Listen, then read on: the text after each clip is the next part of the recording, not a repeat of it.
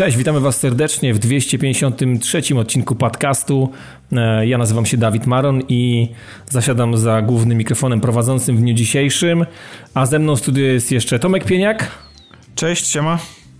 I Piotrek Mozelewski. No hej. Zanim przejdziemy do tego, co nas czeka w odcinku, a czeka nas niewiele mimo wszystko, bo taki jakiś okres, taki tydzień, taki w ogóle.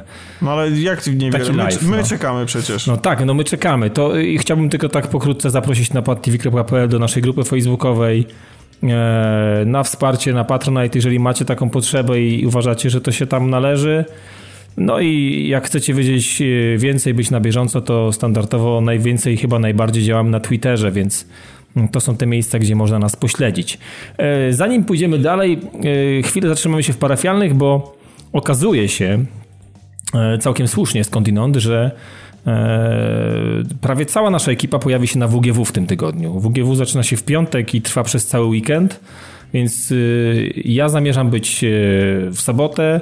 Piotrek chyba będziesz w piątek, tak? Ja na pewno będę w piątek, zobaczymy jak w kolejnych dniach, bo Okej, no, i- to, to zależy od tego jak Wszystko after zależy wypadnie. od afterów. No. Dokładnie.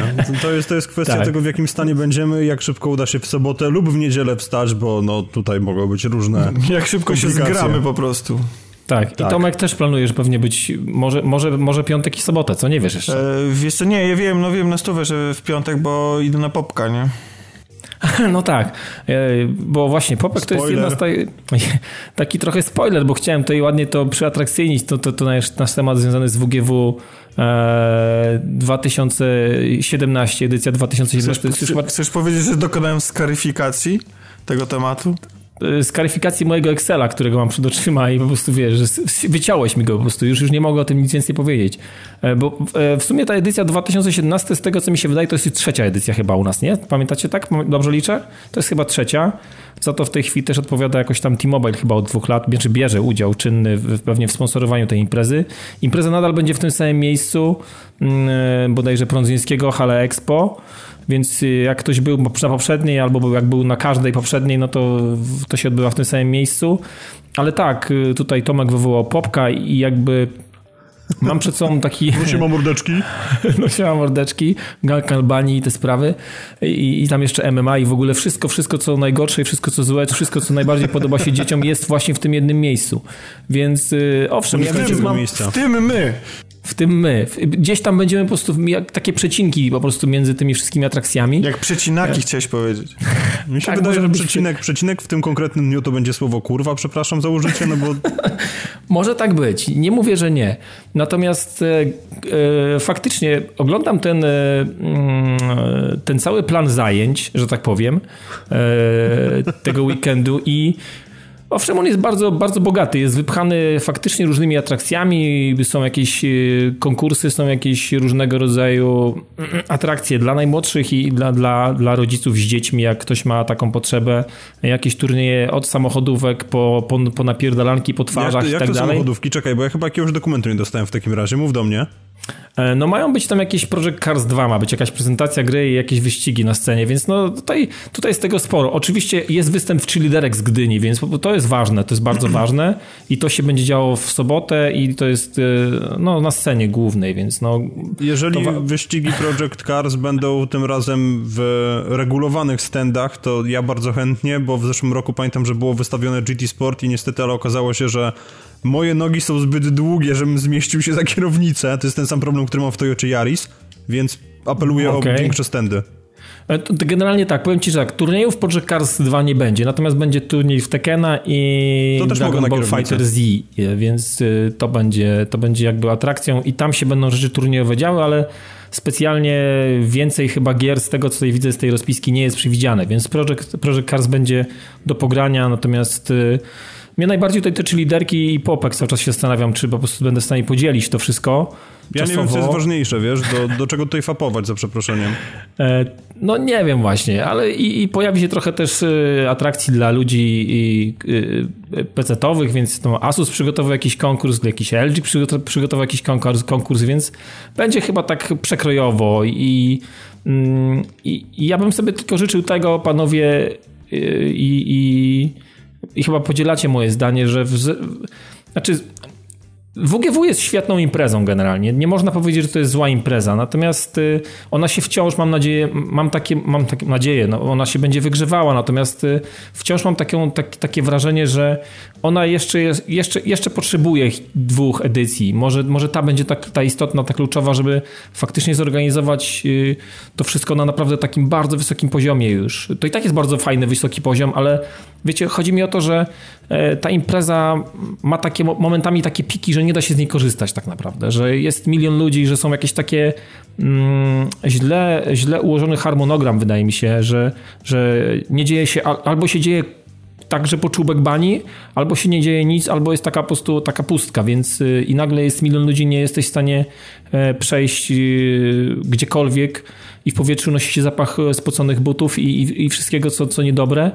Jest duszno, nie ma czym oddychać, więc y, mam nadzieję, że tym razem albo nie, dot, nie, nie będę miał styczności z tym, albo w jakiś sposób te atrakcje mnie wątpliwej jakości ominą, ale... Mi się wydaje, że w tym razem pik przypadnie na piątek między godziną, jak to mówiłeś, 17.05 a 18. E, mówisz cały czas o tym e, zawodowcu gangu Albanii, tak? Tak, tym... mówię o tym, który przyjdzie w kominiarce i będzie mówił o, nie wiem, w sumie...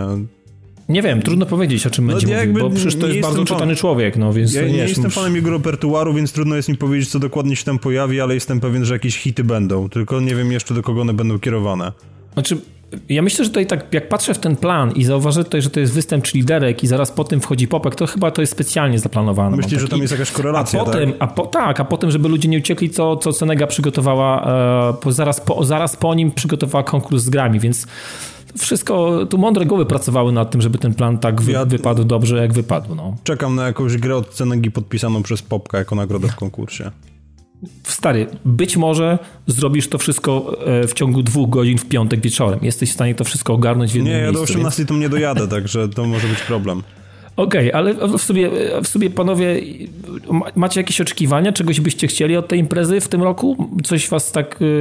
E, macie jakieś przemyślenia po poprzednich edycjach? Coś tak, tak wam Wiesz leży co, na sercu? Ja wcześniej byłem na pierwszej edycji byłem na dniu tak zwanym VIP-owskim, no ale to tak naprawdę... To teraz chodzi... go nie ma, on w, teraz w tym nie ma. został, on teraz został, został, on został później zredukowany do kilku godzin w drugiej edycji rok temu, no i teraz jest w ogóle zlikwidowany, więc widać, że ta impreza przechodzi metamorfozy i szuka własnej tożsamości. No, gdzieś tam próbują organizatorzy tak. pewnie zbalansować zainteresowanie ludzi, dla których gry to pasja i którzy się tam, którzy poważnie może podchodzą do, do, tego medium, ale też i pewnie chcą zachęcić jak największej ilości dzieciaków po prostu, żeby przyszli, bo dzieciaki raz, że zapłacą za bilety w swojej masie, dwa, że spędzą e, tam dużo czasu, narobią masę zdjęć, będą się pewnie jarały bardziej niż my, nie będą wtykali wszędzie nos i, i, i, szukali dziury w całym.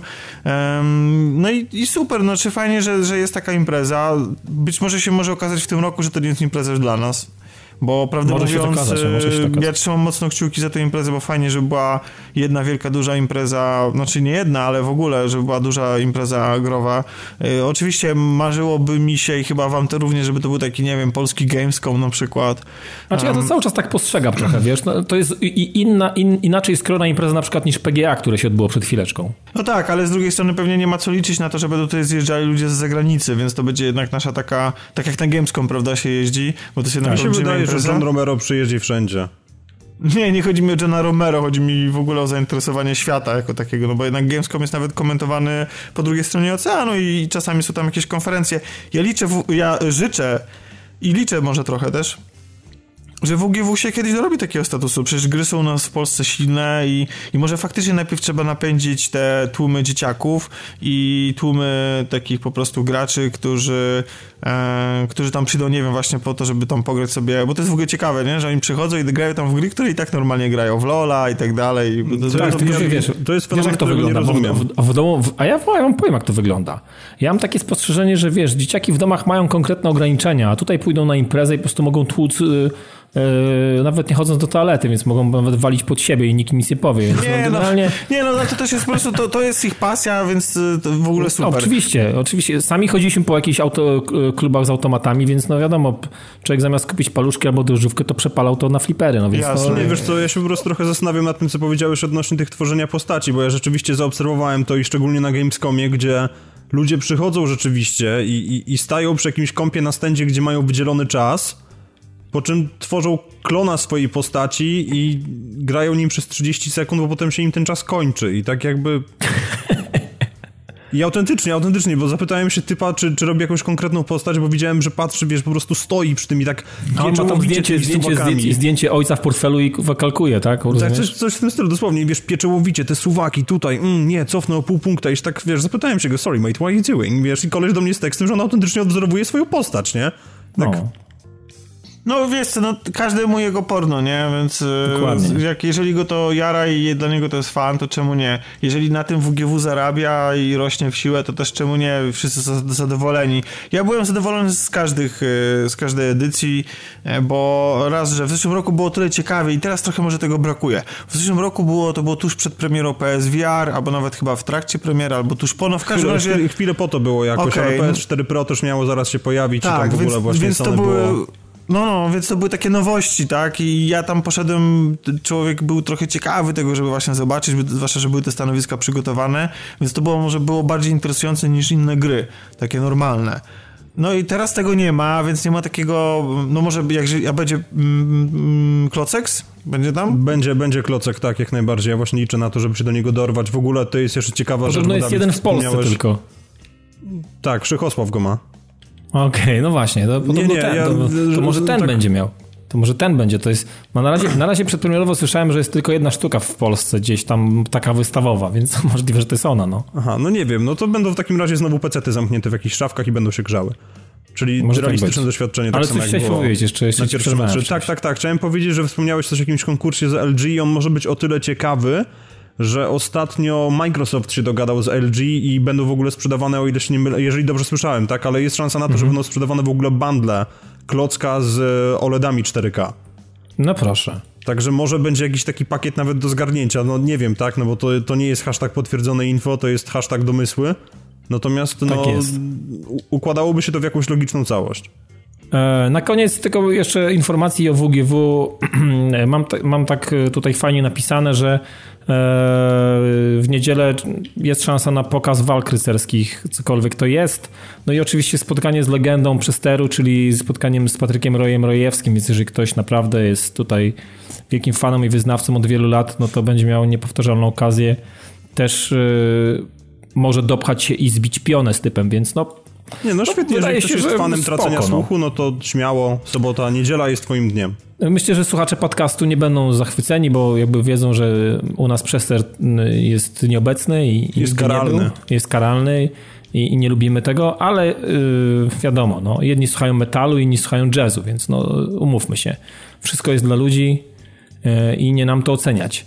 Dobra panowie, no to fajnie, no czekamy. Ja mam nadzieję, że będzie fajnie, że spotkam się znowu z fantastycznymi swoimi znajomymi No to yy, jest, to, jest, to jest na pewno niezaprzeczalna zaleta tego typu Tak. imprez, więc... Tak, tak, więc jakby udzielić oczywiście kilku wywiadów, nie, wystąpić, kilka, będzie, zrobić, sobie, zrobić sobie kilka zdjęć. No mam nadzieję, że będzie Twitter będzie płynął z selfiakami. Pewien, standard, do którego już jesteśmy przyzwyczajeni jako gwiazdy podcastingu polskiego growego, będzie utrzymany, więc liczę na to, że e, w tym roku też nas nasi słuchacze, e, nasi idole nas nie zawiodą, więc będą Ja podchodzić. nie, i nie będą... składam już autografów na częściach ciała, które zwykle są zakryte ubraniem, więc proszę nawet nie podchodzić w tej Dokładnie, sprawie. Po dokładnie. zeszłym roku mam traumę. Dokładnie dziewczyny. Dziś w tym roku po prostu goła klata i, i lecimy dopiero. I marker taki się utrzymało przez, przez przynajmniej weekend, nie? Żeby do, do, doleciało do, do poniedziałku, żeby można w szkole pokazać, nie? Dobra. To, to tyle to odnośnie WGW. To tyle odnośnie WGW i, Się robi niebezpiecznie. e, i, i tak, idźmy gdzie indziej. Mm, Nie, no idźmy na WGW, a potem gdzie indziej. tak, pójdziemy, pójdziemy na WGW i na pewno możecie się tam nas spodziewać e, e, w ten najbliższy nadchodzący weekend. E, A teraz, wiecie co, rzadko to robimy ostatnio, bo- jakoś tak e, nie, nie ma czegoś takiego punktu zaczepienia, żeby jakoś wrócić i próbować po, po, pogadać o tym, co ludzie wypisują pod odcinkami. Czasami wypi- wypisujecie więcej, czasami mniej. E, I okazuje się, że temat... e, Temat, który był poruszany w ostatnim odcinku i Fortnite'a i, i PUBG'a całego, okazuje się, że wywołuje straszne emocje u ludzi i, i, i w sumie zastanawiam się, dlaczego tak jest, e, skąd e, i kto tak naprawdę tą tą puszkę Pandory albo tą sprężynkę nakręcił do tego stopnia, że mm, obie gry zdają, zdają, sobie, zdają się radzić sobie fantastycznie i obie sobie mogą spokojnie istnieć, natomiast e, w jakiś sposób jedna gra jest wyśmiewana przez, przez drugich i, i odwrotnie i społeczność nie jest w stanie zarówno Fortnite'a, jak i PUBG w jakiś sposób podzielić, po, po, znaczy nie wiem, po, yy, zaakceptować zaistniałą Żeby sytuację. Tak, tak. Że, no że, Dawid, że, że, proszę że, cię, ile ty masz lat? No przecież nie pamiętasz... Mam dużo lat. Quake'a i Duke Nukena, no proszę cię, nie, Quake, ja, Quake i Duke... Tomek, Tomek, ja nigdy nie brałem udziału w takich walkach. Co nigdy ty nie brałem, gadasz? Naprawdę? Nigdy nie brałem. Tak samo no, nigdy nie... Znaczy, nigdy LOL nie i Dota, no zawsze gdzieś tam są ale te... Tak, ale to są, ale to są, wiesz, to są walki, które... Z... Ja już byłem chyba za duży, albo, albo, albo nigdy mnie to nie interesowało, wiesz. Ja, znaczy, ja wiesz, jak jest jakaś nie... społeczność, jak jest jakaś społeczność... Ale ja się wychowałem w takich społecznościach, bo zawsze były atarowca, wal z gumowca. Ja nigdy takich haseł nie wykrzykiwałem na ulicy, no. No, nie wiem, no dla, znaczy nie, no jasne, no, przecież to nie rozmawiam tutaj o tym, że ktoś chodził tutaj, że były jakieś bojówki tutaj ośmiobitowców, które, które, które szaleją po ulicach i się ganiają, nie? No, ale, ale, ale, ale założę się, że takie miejsca, takie akcje mogły mieć miejsce kiedyś, no to już to.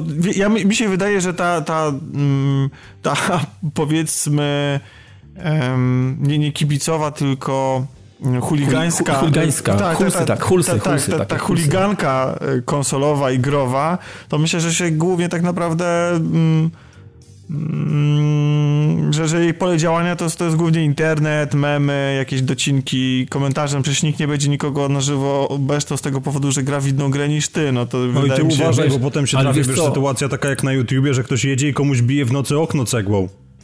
No, ale z powodu gry? Tak było? No, Aha, tak wiesz, to dzisiaj ludzie robią z powodów jeszcze... Nie, no ja wiem, ja, ja wiem, że, że, ja wiem, że potrafię, żeby wygrać tam w e, EVE Online, to potrafią komuś odciąć internet czy coś tam, ale, ale czy, czy, czy nasyłać na siebie nawzajem słoty, tak, przy streamingu, e, czy tam granie online, to, bo to zdaje się, że była taka moda jakiś czas temu. Ale... Nie, to w Destiny, w Destiny są takie, tak, były takie akcje w jedynce przynajmniej, że ludzie robili ataki typu DDoS oponentom? No, wydaje mi się, że jak gdzieś tam, znaczy można to pochwalać albo nie, można się z tym zgadzać albo nie, ale wydaje mi się, że gdzieś tam te, te takie potyczki i, i należenie do jednego obozu e, albo ani do drugiego i nielubienie tego drugiego, to jest gdzieś tam wpisane w jakąś tam pasję, no bo e, znaczy, ludzi, ludzi, tak. ludzi, ludzi, tak ludzi nie konsoliduje jak wspólny wróg. Wiesz co, ja się jak najbardziej zgodzę, tylko wiesz, z jednej strony można sobie robić takie podśmiechujki, jakie robię na Twitterze, że Switch to jest podstawka pod pudełka na PS4, a z drugiej strony można ludziom jednak robić naprawdę sporo syfu, więc no... Znaczy, nie, no jasne, no, trzeba wiedzieć, gdzie jest ta, ta, ta różnica, ale jeśli gry wywołują emocje, to w ogóle super. Jeśli powstały gry, które są obok siebie... I na przykład w zeszłym roku, mogło, w zeszłym roku wyszło Overwatch. E, w zeszłym Overwatch. Overwatch.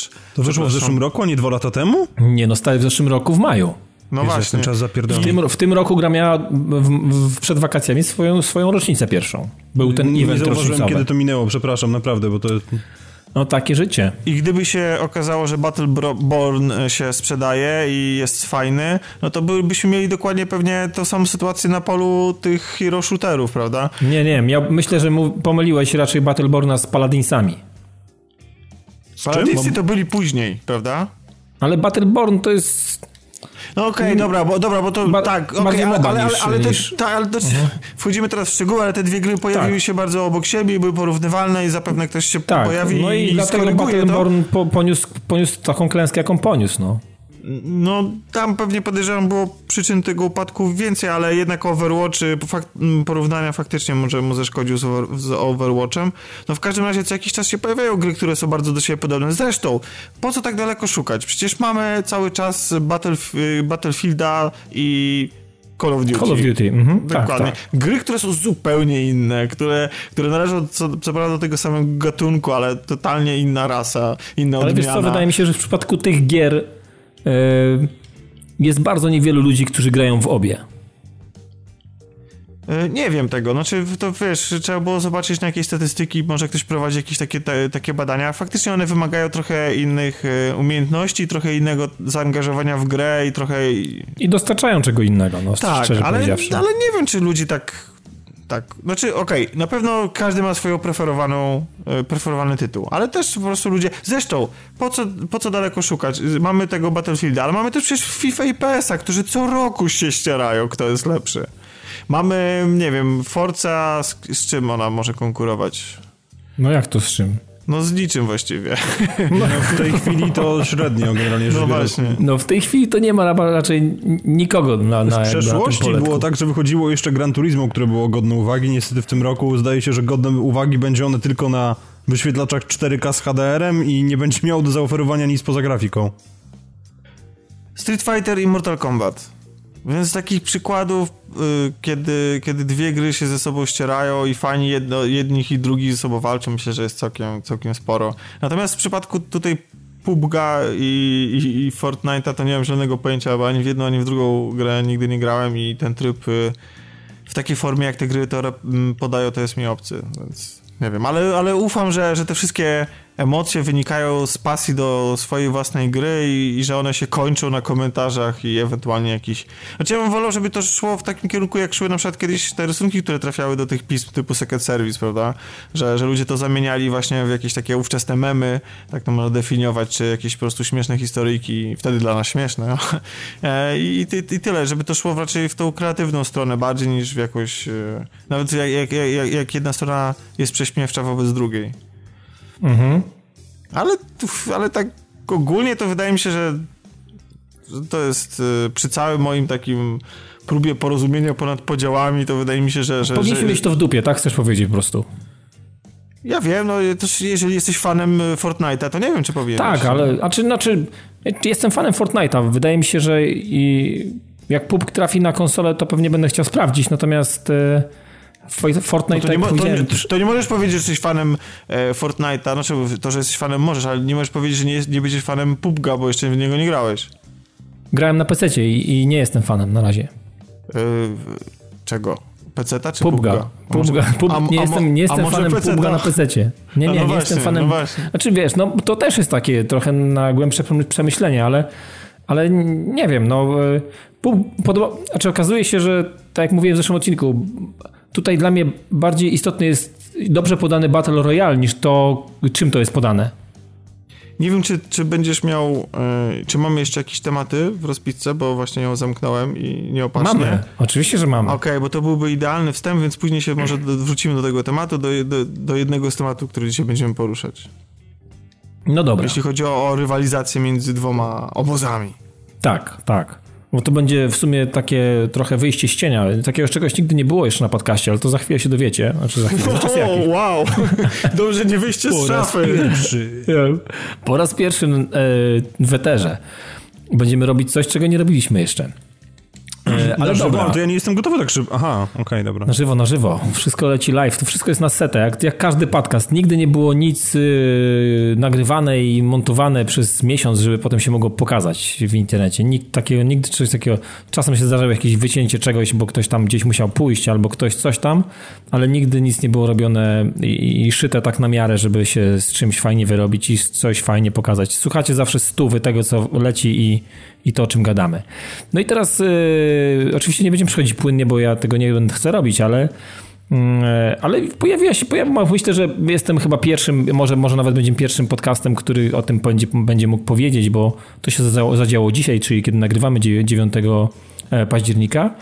E, pamiętacie bardzo dobrze odcinek, w którym opowiadałem o The Search, o tej soulsowej grze o takim pan, panu, który nazywa się Warren jest e, wrzucony do takiej opuszczonej fabryki i tam oczywiście grasują jakieś różne roboty i generalnie e, on się musi z tym wszystkim zmierzyć. I okazuje się, że mm, to już było wiadomo od jakiegoś czasu i że Dex 13 pracuje nad nad, nad, okazuje, po dobrej, po dobrej sprzedaży, jakby nie patrzeć. Stwierdzili, że popracują nad jakimś dodatkiem, który się będzie miał ukazać jeszcze w tym roku. No, zostało już niewiele, bo raptem dwa miesiące, e, który ma się nazywać e, A Walk in the Park, więc e, okazuje się, że ten dodatek w zeszłym tygodniu był teasowany we wszystkich profilach społecznościowych The Search. Mm, I on zapowiada się, ta prezentacja wydawała mi się bardzo fajna i bardzo ciekawa, więc stwierdziłem, że to pewnie jeszcze chwilę zajmie, chwilę poczekamy z tym tematem, ale okazuje się, że dzisiaj, chwilę przed nagraniem mm, na moim Xboxie One The Search zaktualizowało się o paczach wielkości prawie, prawie 1 gigabajt. Więc y, być może, to jest takie moje domniemanie, że, że informacja i, i dane z patchem zostały już automatycznie pobrane do gry i teraz w zależności od tego, mm, kiedy przejdą może proces certyfikacji, kiedy jest zaplanowana premiera. Zakładam, że to będzie ten miesiąc, takie mam, takie mam przypuszczenia. E, dodatek będzie grywalny. I teraz jest jeszcze jedno ważne pytanie, które sobie trzeba zadać. Czy Walk in the Park będzie dodatkiem płatnym, a jeżeli będzie płatnym, to jak, e, jak drogim? Bo e, mówimy tutaj tylko i wyłącznie o jednej lokalizacji. Też nie mamy informacji, nie mamy, nie mamy też wiedzy na ten temat, jak duża ta mm, lokalizacja ma być. Najprawdopodobniej czeka nas jakiś boss, możliwe, że jakieś nowe bronie. I to by było dosyć ciekawym rozwiązaniem. E, I, i, i, chyba, i, chyba, I chyba tyle, jeżeli chodzi o, o to, co może się znajdować w zawartości. Pewnie jakieś dodatkowe usprawnienia gry, e, jak to miało miejsce w każdym, w każdym z poprzednich patchy, bo tych patchy wyszło raptem e, chyba 6. E, I, I teraz e, ja specjalnie chwilę przed nagraniem odpaliłem e, The Search i chciałem zweryfikować, czy na wszystkich moich poprzednich save'ach albo na nowym save'ie nie dostanę informacji, że jest taka i taka lokalizacja, czyli najprawdopodobniej ten patch będzie, ten, ten dodatek trzeba będzie kupić, natomiast gra w tej chwili nie oferuje, znaczy nie podała mi żadnej informacji, że coś się pojawiło, że coś się nowego jest, jest jakaś nowa lokalizacja, do której można się wybrać, więc e, jak widać jest to tylko połowiczna, e, połowicznie się, że tak powiem, gra przygotowała do tego, żeby móc odblokować ten dodatek w przyszłości. No ja trzymam kciuki, bardzo chętnie bym wrócił do The Search, bo jak wiecie spędziłem tam e, chore ilości godzin, nawet nie chcę ich podawać teraz, bo to by było mm, źle. Ale. Nie, pamiętaj, pamiętaj z kim nagrywasz. Ja i... Wiem, wiem, wiem, no. wiem, ale, ale mimo wszystko, jak na moje możliwości, e, e, New Game Plus Plus Plus bodajże jest zrobiony, E, i, i trzy savey, na których też są dziwne ilości godzin nabite, więc e, e, Czekam, myślę, że nawet z na twarzy i bardzo chciałbym jak najszybciej to dostać w swoje łapy. No i chyba tyle. Wiem, że wy panowie nie graliście, nie jesteście fanami i z wami na ten temat nie będę porozmawiać, natomiast mimo wszystko gra fajnie została przyjęta przez społeczność i, i, i sprzedała się na tyle fajnie, że taki dodatek pewnie tylko jedyny, nie, nie wiem czy jakieś są plany na kolejne dodatki, e, ma możliwość pojawienia się, że tak powiem, e, do gry i ja się z tego bardzo cieszę, bo to jest jakby też oczko i, i, i informacja dla twórców, że to, co zrobili, mm, zasługuje na to, żeby w jakiś sposób może w przyszłości nawet kontynuować e, ten tytuł i, i dlaczego miałoby nie powstać w przyszłości The Search 2 na przykład, więc ja nie miałbym absolutnie żadnych, żadnych problemów z tym. No to ten monolog e, puścimy sobie dalej. E, Spin Tires. To jest taka gra o jeżdżeniu po błocie takimi ciężkimi, różnymi, dziwnymi samochodami. Piotrek na pewno znasz, Tomek nie wiem. Ja e, kojarzę i to była gra, która e, znalazła, jakkolwiek dziwnie to nabrzmi, e, trakcję w środowisku, które bardzo lubi się pakować w błoto. Autentycznie jest grupa ludzi, oni się na, po angielsku nazywają winchers, od, od wyciągarki, czyli winch którzy celowo wpieprzają się w błoto po to, żeby się w nim zablokować, a następnie się z niego wyciągać. W mieście, w którym pochodzę, jest bardzo piękna skarpa położona tuż przy rzece.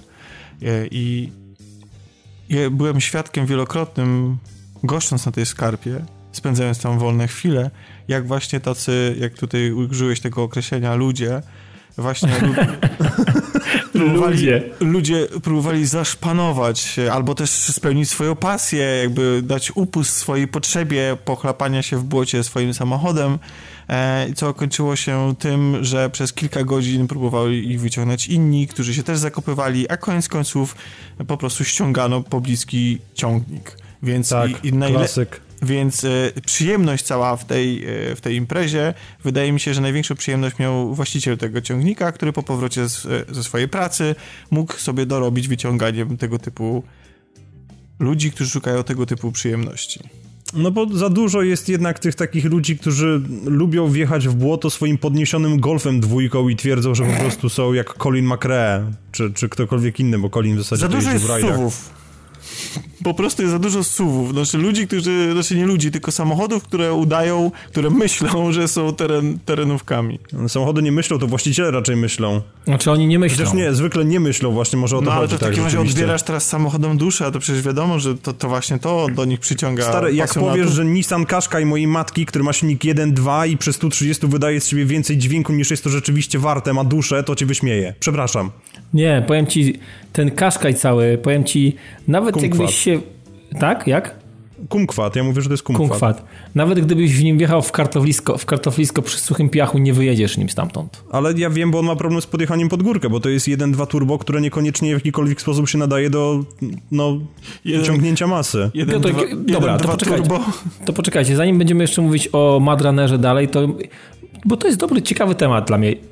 Znasz się bardzo dobrze na samochodach. Wiesz, jakie są dobre, jakie są złe.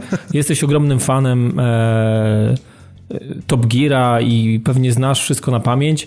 Powiedz mi, jakim cudem twoja matka to kupiła? Dlaczego do tego doszło? Możesz, wy- możesz na antenie wytłumaczyć to? Owszem, jestem w stanie to zrobić. Otóż doszło do sytuacji, w której chodziło o to, że jej poprzedni samochód, to jest Mazda 3, została już sprzedana, a ona chciała coś nowego. Ja mówiłem, że wypadałoby poczekać i kupić Mazda CX-5, która będzie miała dwulitrowy wolnossący silnik i, i, i będzie to lepsze rozwiązanie. Natomiast niestety, no, presja czasu przeważyła, w związku z czym pojawił się Nissan Kumquat, który, no, no jest, jest pojazdem mało charakternym, który może zabrać cię z punktu A do B, owszem, ale no niewiele poza tym. Przewieźć No i, jakieś małe zakupy. Mhm. e, tak, tak, ewentualnie małe zakupy właśnie. To znaczy, no jest, jest bardzo dobry, jeżeli chodzi o podbijanie miejskiej dżungli i wjeżdżanie pod krawężniki nie wyższe niż 15 cm, ale niestety na tym się to kończy, więc no Okej. E, tak, natomiast Mazda 3 serdecznie polecam, 7 lat użytkowania. E, jedyne co się stało przez owe 7 lat, poza tym, że moja mama postanowiła ją za którymś razem zawiesić na e, zawiasie bramy wjazdowej, bo źle wycyrklowała, to jedyne co się z tym samochodem stało, to przepaliła się żarówka w trzeciej lampie stopu i e, raz poszła uszczelka pod kolektorem dolotowym, ale to mogła być trochę moja wina. Okej. Znaczy, no tu mam, mam takie, z tego czy, czy, przeczytałem, że w, Speed, w Spinta Airs Matrunner nie, przepali, nie wypadnie ci uszczelka, nie przepali ci się Znaczy nie, żarówka. ona, ona nie wypadnie na pewno, bo to byłoby trudne. No właśnie, czy tam cokolwiek by się z nią nie stało, bo te samochody są przygotowane do tego. Po prostu to są, to są ZSR-owskie konstrukcje, to są takie auta, jak patrzyłem na materiał e, prezentujący rozgrywkę e, właśnie Spinta jest Matrunner, które też wyjdzie na konsolach. To jest bardzo ważna informacja. Chciałbym to bardzo podkreślić, bo, bo, bo tak, e, poprzedniej odsłony e, Spinta na konsolach nie uświadczyliśmy, nawet na poprzedniej generacji. Tym razem podobno fantastyczna technologia obklejania opon kół błotem, która jest specjalnie skrojona tutaj w tej grze. E, Będzie nam dana e, posmakowania i, i, i na konsolach. Ja Okazuje nie się, ufam że. temu. Nie ufam temu oświadczeniu prasowemu, bo ja pamiętam, że 10 lat temu, w zasadzie ponad 10 lat temu, była Nie taka wierzysz gra, która się nazywała? Motorstorm. Mhm. Motorstorm miał zajebiste błoto. Motorstorm miał zajebiste błoto. To się z tą też zgodzę. Pierwsza Natomiast- część. Y, Ja nie wiem, czy w Motorstormie, nie przypominam sobie, żeby w Motorstormie mm, błoto tak zajebiście dobrze trzymało się opon i wpływało na mm, podróż. Wiesz co, no ja już też nie pamiętam, ale z drugiej strony, no miejmy na uwadze fakt, że to było 10 lat temu, więc Tak, może no, no, na pewno to były. ruszyło do przodu, tak. Tak, tak. E, Natomiast wiecie, co mi się podoba w, e, w, te- w tej odsłonie? Że oprócz tego, że będziemy oczywiście mogli wziąć sobie jakiegoś ziła, czy jakiegoś kraza, czy jakiegokolwiek innego e, potwora błotnego i, i wjechać w nim konkre- w konkretną lokalizację, to bardzo mi się podoba, że jest przewidziany rodzaj nie wiem, czy to będzie kampania, ale jest przewidziany rodzaj misji, które trzeba będzie wykonać e, w jakimś takim trybie solo. Trzeba będzie pojechać gdzieś, pozjeżdżać z jakichś skał, gdzieś, Jeżeli- może, gdzieś może kogoś wyciągnąć, gdzieś Jeżeli może okaże się, uratować że jakiegoś, jest- być goprowcem może w przyszłości, nie wiem. Jeżeli okaże się, że jest tam możliwość przewożenia starą radziecką ciężarówką jakiś bal drzewa, Jest, czy, jest, czy, czy ściętych jest. pieni po prostu po- przez, syberyjskie, przez syberyjską tundrę, to ja w to wchodzę. No to w poprzedniej części było, można było nosić, nawet można było nawet załadować sobie te bele stare. Tak Jak było, to można było nosić? Znaczy, można było je wozić, ale można było sobie te bele też ładnie załadować. A to nie widzisz, bo kurde, teraz mi sprzedałeś tę grę i ja wiem, że ona nie istnieje, bo ja pamiętam, jak był taki początek wspaniałego filmu z Arnoldem Schwarzeneggerem, który się nazywał Commando. I ten film otwierała scena, w której Arnold szedł i niósł pal drzewa na ramieniu. E, tak, to było w Commando. To jest I... cudowny film i jest, jest, jestem, jest jestem wzruszony, że o nim wspomniałeś. To jest, to, to jest, jest rewelacyjny bardzo, to jest bardzo kino, to, jest, to, był, bardzo, to był pierwszy film, który widziałem na VHS-ie. To, był, to, to, to było czyste cudo po prostu. W 90 rok. Znaczy ja, ja pamiętam, że o, o ironię mój ojciec nagrał to z telewizji na e, kasetę, na której był dokument o wojnie w Wietnamie, więc... I się zmiksowały te dwa obrazy. Nie, nie, nie, nie, ale było tak, że leciały śmigłowce z tego dokumentu i tam narrator coś mówił na ten temat i potem nagle pojawił się lecący śmigłowiec, z którego wysiadał generał i mówił do córki Arnolda, że słuchaj, potrzebujemy Arnolda i Arnold wchodził z tym palem na ramieniu. Cudowne to było. On wtedy był w genialnej formie, on był zaraz chwilę po tym, jak był Mister Olimpia chyba trzy czy ileś razy z rzędu, więc no po prostu no, propos, był bydlak wtedy. No. A, propos, a propos małych samochodów, to tam się pojawia piękna scena kustomizacji takiego samochodu przez Arnolda. Wydaje mi się, że to w tym filmie było, że on podszedł i wyrwał siedzenie przednie po to, żeby siąść z tyłu i mógł sprowadzić jakiś mały wóz, prawda? To w tym filmie to było? Wiesz co, nie pamiętam, ale pamiętam, że w tym filmie było tak, że. Pamiętam tą Porsche, scenę, ale nie wiem, czy ona jest z tego filmu. Wiesz co, wydaje mi się, że nie, ale wiem, że w, Komando była scena, gdzie, samo, gdzie on wziął Porsche, które stało na boku i że je postawił. Tak mi się przynajmniej wydaje. Kurde, muszę sobie przypomnieć ten film w ogóle. Zaraz odnajdziemy na YouTubie. Rozmawiajcie dalej, a ja poszukam w każdym tej razie sceny w e, historii kinematografii. Spin Tires, wracając do, do błota i, i do wysokich lasów sosnowych, e, Mad Runner ma się pojawić e, już w tym miesiącu, bo 31 dnia października tego roku, więc e, ja bardzo chętnie sprawdzę to. Ja bardzo chętnie sprawdzę to, bo wszelkie, wszelkie możliwości jeżdżenia po ostrej brei i korzystanie z wyciągarki szukanie szansy na to, żeby wydostać się z jakiegoś terenu, który, który no nie będzie łaskawy dla, dla, dla każdego z tych pojazdów. E, no, może być ciekawym wyzwaniem, więc chciałbym też jakby zwrócić Waszą uwagę, że to pierwszy raz na konsolach e, coś takiego właśnie się pojawia e, w tym miesiącu. I teraz pewnie trochę też się uaktywni Piotrek, bo w tym miesiącu... Czekaj, wiesz co, bo... Chcesz jeszcze to... coś powiedzieć o Spin Tires? Tak, tak. Jeszcze chciałem tylko... Coś chciałem powiedzieć i teraz już kurde zapomniałem. A, chciałem powiedzieć, że mam nadzieję, że w tej grze się pojawi Subaru Impreza, bo Subaru Impreza zostało wielokrotnie udowodnione, że nawet w takiej cywilnej wersji jest w stanie wyjechać absolutnie ze wszystkiego i są na YouTubie takie legendarne firmy, filmy, firmy pewnie też zresztą, ale są takie legendarne filmy, na których właśnie jest pokazane jak w trakcie amerykańskiej zimy Subaru Impreza, mimo że ma letnie opony, wyciąga ciężarówkę z rowu na przykład, więc no... Okej. Okay. Jeżeli to się tam pojawi, to będzie samochód, który trzeba będzie znerwić, pierwszy w historii. Myślę, że to się tam nie pojawi, bo ci twórcy nie mają takich planów i takich zamysłów. Oni jak troszeczkę inaczej postrzegają ten swój produkt. Ale kto wie, no może, może akurat to się nich słucha i pójdą tym, tym tropem. W każdym razie... Yy tropem y, rozwoju i pewnie i, i, planów na przyszłość idą twórcy Elite Dangerous i, i okazuje się, że pojawili się, całkiem niedawno rozmawialiśmy o obcych, że pojawili się i, i w ogóle na to wszyscy czekali przez kupę czasu. Okazuje się, że plany, które y, mają twórcy y, co do swojej produkcji na rok 2018 to nie są jakieś takie plany, które można powiedzieć, że są słabe, że są nijakie. Widać, że nadal jest y, jakby rozmach i nadal jest y, mm, pomysł na grę dalej, gdzie, gdzie no, można by wiedzą, powiedzieć, że wiesz, no ale, ale można by powiedzieć, że no, tytuł jest niemalże kompletny od, od miesięcy.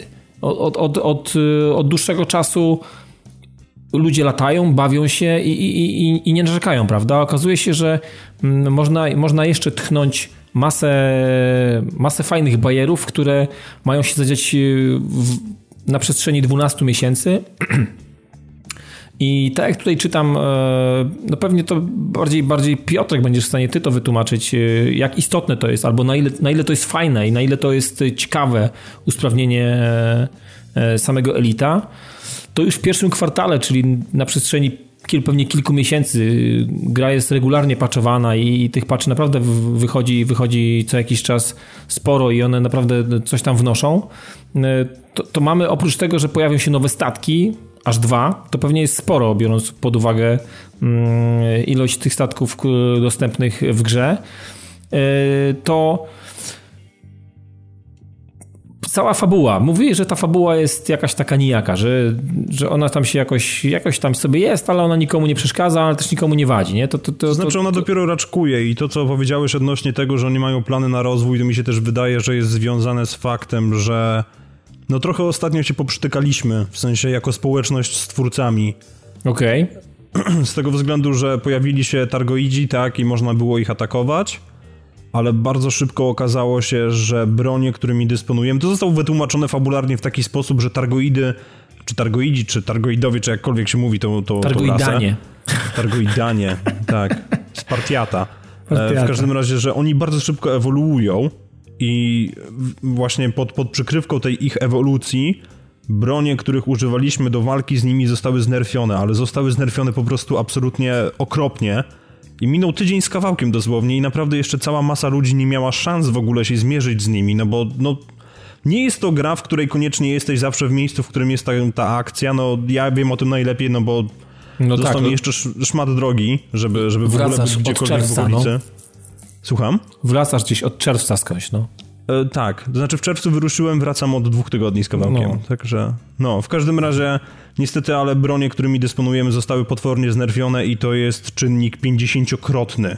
O matko. Więc w zasadzie w tej chwili równie dobrze można by było rzucać w te ich statki no, patykami i okay. jakby oczekiwać rezultatu. Ta sama skala. Więc tak? podejrzewam, podejrzewam, że to, że oni jakby przedstawili te plany na rozwój tak i, i w ogóle roztaczają taką sielankową wizję po prostu wynika z faktu, że chcą nas trochę udobruchać żebyśmy tak bardzo głośno nie krzyczeli, więc no. Mhm. A co powiesz, Piotrek, na, na, na, generalnie tą jakby drugą część, bo tam oczywiście poprawki wizualne, planet i tak dalej, jakieś nowe, nowe misje i tak dalej, to jakby jest fajnie, bo to tam się mm, trochę, trochę nowego, nowe, nowych aktywności wejdzie, ale powiem Ci, tutaj czytam sobie mm, na temat eskadr, na temat górnictwa, na temat, na temat właśnie, że E, ma być postawione sporo na, na temat właśnie takiej stricte eksploracji, którą możemy znać właśnie chociażby z No Man's Sky, że planety będą wyglądały, bardziej, będą bardziej zróżnicowane, będą ciekawsze w ogóle, że będą, będą prezentować się w jakikolwiek sposób, bo ja wylądowałem w Elicie na kilku planetach i one, one wyglądają po prostu nijak. No. Mają jak, jak gdzieś tam po środku stoi jakiś kawałek bazy, mm, ale tak naprawdę na tych planetach nic się nie dzieje. To jest po prostu planeta, na której nic nie ma. Ona jest po prostu totalnie nudna. Mam nadzieję, że to w jakiś sposób wpłynie e, na to, że, że te planety będą, staną się atrakcyjne w jakiś sposób. Jak myślisz, czy to faktycznie jest, e, mm, czy ten kierunek, czy to może wyglądać w ten sposób, że właśnie to będzie takie mm, trochę wymuszenie na, na graczach, żeby spędzali na, na planetach trochę więcej czasu i żeby ten, ten, ten czas był na tyle atrakcyjny dla, dla, dla spędzających. No. Wiesz co, nie wiem, bo to byłoby naprawdę tytaniczne zadanie. Z tego względu, że w tej chwili mówisz, że na tych planetach nic nie ma, ale jest bardzo dobry powód, dla którego tam nic nie ma, bo to są wszystko planety bez atmosfery. Na planetach, które mają atmosferę, nie możesz lądować. Okej, okay. ale na tych, na których wiesz, możesz lądować, to co? To one są bez atmosfery po prostu. Hmm. No okej, okay, no to... I właśnie stąd całe życie, które tam się toczy, no to są jakieś bazy, tak, jakieś pojedyncze tak, outposty tak, i, tak. i, inne tego typu, natomiast no gro akcji dzieje się po prostu w kosmosie, gdzie latasz i, i możesz dokować na różnych stacjach, więc no wątpię, żeby to się zmieniło, ponieważ ten upgrade myślę, że nawet przy, przy mocach przerobowych, które ma Frontier, tak, byłby jednak dość no, poważnym przedsięwzięciem i wątpię, żeby to zostało wytoczone na tyle szybko. Ja nie wątpię, że oni planują coś takiego. A czy wiesz, to jest Natomiast... czwarty kwartał, także końcówka przyszłego roku, więc to jest jeszcze trochę czasu, nie? Tylko kwestia tego, czy faktycznie nie, to, to będzie wyglądało... kwartał tego roku. Mm, nie, 2018 tak mi się wydaje. Tak, 2000 hmm. ostatni. 2018 kwartał następnego roku. Nie, mają się, okay, mają no się pojawić eskadry, to... górnictwo i eksploracja, więc generalnie mhm. taki trochę nacisk, sam, sama, same eskadry i, że tak powiem, jakaś hierarchia, zarządzanie członkami i tak dalej, mm, yy, latanie ze sobą i tworzenie jakichś tam grup i tak dalej, to to jest jakby ok. Natomiast mnie najbardziej interesuje właśnie to górnictwo, yy, czyli pewnie jakiś rodzaj surowców, nie wiem, czy tutaj można by szukać w tym jakiegoś craftingu i tak dalej. Plus jeszcze eksploracja i ten kodeks wspomniany w, wcześniej na temat y, jakichś dokonań, zjawisk czy pojawiających się nowych anomalii, więc no to, to powoduje, że można domyślać się, że na planetach będziemy jednak częściej i dłużej niż do tej pory. No. To znaczy, wiesz co, crafting w jakimś tam sensie w tej chwili już jest, tylko że w zasadzie to polega na tym, że są inżynierowie, którzy są w stanie zwiększyć możliwości naszego statku ponad to, co oferują jakieś tam moduły dostępne na stacjach i po prostu lecisz do inżyniera, dajesz mu jakieś tam magiczne komponenty i on to potem miesza i, i przedstawia ci jakby rezultaty, tak? I możesz je przyjąć albo możesz je odrzucić, bo to też może mieć negatywny wpływ na statek. Jasne. Natomiast e, sam crafting, który jest obecnie jakby rozwinięty w tej grze na takiej zasadzie, że ty możesz sam coś zrobić, to możesz sobie ewentualnie syntezować paliwo do, do tego swojego łazika, albo, i to jest naprawdę bardzo fajne, e, są takie domieszki, bo, bo cała jakby podróż w nadprzestrzeni się opiera o ten napęd FSD, i możesz sobie robić domieszki, które ci będą wydłużały jego zasięg. To jest w ogóle przekozackim patentem. Okej, okay. ale takie ale nitro, no... jakieś taka szpryca dodatkowa, tak? Tak, tak, tak. I po prostu się nazywa nawet injection, więc po prostu mm. wstrzykujesz coś do FSD i wtedy jasne, masz dwa razy jasne. większy zasięg. Tylko jasne. no... Znalezienie tych komponentów... To, to, to, mówimy o tym całym hyperjumpie, tak? Tak, tak, tak. Mhm. Tylko, że to już jest dostępne w tej chwili, więc no ciekawy jestem, jak to rozwinął. Nie wiem, podejrzewam, że może po prostu być to trochę na takiej zasadzie, że te górnictwo stanie się ważniejsze, w sensie, że ekonomia będzie bardziej rozwinięta, ale wątpię, żeby to chodziło o cokolwiek więcej ponad to. Mhm. E, niemniej, no, poprawki wizualne planet są czymś, co jest naprawdę mocno wymagane. Nawet nie chodzi mi o to, że w momencie, kiedy podlecisz do jakiejś planety, to jakiś, jakaś pikseloza ci wyłazi, bo to jest jeszcze pół biedy, bo naprawdę mało kiedy się zbliżasz na tyle, do planety z atmosferą, żeby to miało jakiekolwiek znaczenie, bo planety bez atmosfery, na których lądujesz, mają jakby e, pierdyliard różnych poziomów detali, one się doczytują w miarę dynamicznie, więc to nie, stanowi problemu, mhm. ale e, myślę, że to może się bardziej odnosić do mapy galaktyki, ponieważ w momencie, kiedy jesteś w danym systemie, robisz skan, który ci jakieś tam pierwsze rezultaty podsuwa i, i, i mówi, co ewentualnie może być na, może, jak może wyglądać dana planeta, to te miniatury są cholernie precyzyjne, bo Wielokrotnie mi się zdarzyło, że podjarałem się, że trafiłem właśnie na planetę typu Waterworld, tak, która jest po mhm. prostu jedną wielką kulą wody i, i sobie myślałem, że właśnie zgarnę swoje prawie ćwierć miliona kredytów, a potem się okazywało, że to jest po prostu jakiś zlepek metali i że mogę go sobie wsadzić ogólnie w no wiadomo. 4 litery. Więc myślę, że to mogą być poprawki tego typu, no bo w tej chwili nie wiemy tego tak od razu. Są wprawdzie sposoby na to, żeby to poznać, ale to wymaga po prostu przypatrywania się hologramom, które się pokazują gdzieś tam w hadzie, więc no no, dla przeciętnego śmiertelnika to, to nie jest zbyt, zbyt fajna zabawa. Breaking no okay. news. Mam ważną wiadomość. Dajesz. Co tam było w tym komando? W komando, w komando faktycznie Arnold Schwarzenegger wyrywa siedzenie pasażera, co prawda, e, w takim mikrokabriolecie. Nie znalazłem tego klipu na YouTubie, ale znalazłem jakieś informacje, które mogą o tym świadczyć. Natomiast faktycznie też jest tym samym kabrioletem, on się później ściga z Porsche, które faktycznie ląduje na boku, po czym on tym kabrioletem przywala na czołowe zderzenie z drzewem i przeżywa, albo ze słupem, i to razem z pasażerką, w ogóle nic im się nie dzieje. Wydaje mi się, że nie mają pasów zapiętych. Po prostu wychodzą sobie z tego samochodu i faktycznie e, wydaje mi się, że przewracają ten tego, tego to żółte Porsche i kontynuują dalej jazdę. Tak, bo tam jest taka sytuacja, że on tego kierowcę Porsche trzyma za rękę nad przepaścią i, tak, i potem i, jest jakaś tam mówi, scena. I on mówi, mówi, pamiętasz jak mówiłem, że zabijecie na końcu? A on mówi, no właśnie, no właśnie, kłamałem. I wiesz, i go puszcza. I... A myślałem, że tam jest coś innego, że nie, tam jest nie, coś typu później, let me go i albo... Później, i, później, I później wraca, później wraca do, do, tej, do tej laski, z którą, który, od której, który kabriolecie się, się ścigał i ona się pyta, co zrobiłeś z tamtym kolesiem, a on właśnie wtedy odpowiada, że puścił go. Taki suchar, a, ale y, ciekawsza informacja od tego wszystkiego znalazłem. Otóż Komando, wyobraź sobie, że do, doczekało się remake'u w 2000... Co ty mówisz? Tak, ale to jest dopiero początek dobrych wiadomości. Remake jest produkcji rosyjskiej. O kurwa. I nazywa, nazywa się, uwaga dla tych, którzy chcieliby y, sobie zapisać, nazywa się Den D, po polsku Dzień D i jest 2008 roku i powiem wam, jestem w trakcie... To, to, to, to z amerykańskiego to jest ten cały D-Day, czy Drop Day, tak? To jest coś takiego, nie, o coś takiego chodzi? Drop to może być. Y, nie no. Y, może być drop szczeny, jak to zobaczysz ten film. No tak, dokładnie, bo to bo powiem ci, zaraz wam wyślę, y, wyślę wam taką stronę film.org, tam znalazłem tu informację, która ma zakładkę remake'i i właśnie opisy i w, tej, w jednym z nich znalazłem, e, znalazłem porównanie filmu Komando do filmu Dzień D. I okay. powiem wam, wygląda grubo. Wrzucę to do nas na, na Discorda sobie, o. A co? Możemy. A co? Tak. Ale wracając jeszcze na chwilę do, do Dangerousa, e, do Elita, bo zostałem wywołany do tablicy. E, wydaje mi się, że ja chyba to o, o tym mówiłem, ale jeden z naszych słuchaczy o ksywce Pleban pyta, dlaczego ja nie mogę grać w Elite Dangerous z powodu braku czasu, czy jakiś inny powód. E, no wydaje mi się, że mówiłem to na poprzednim odcinku.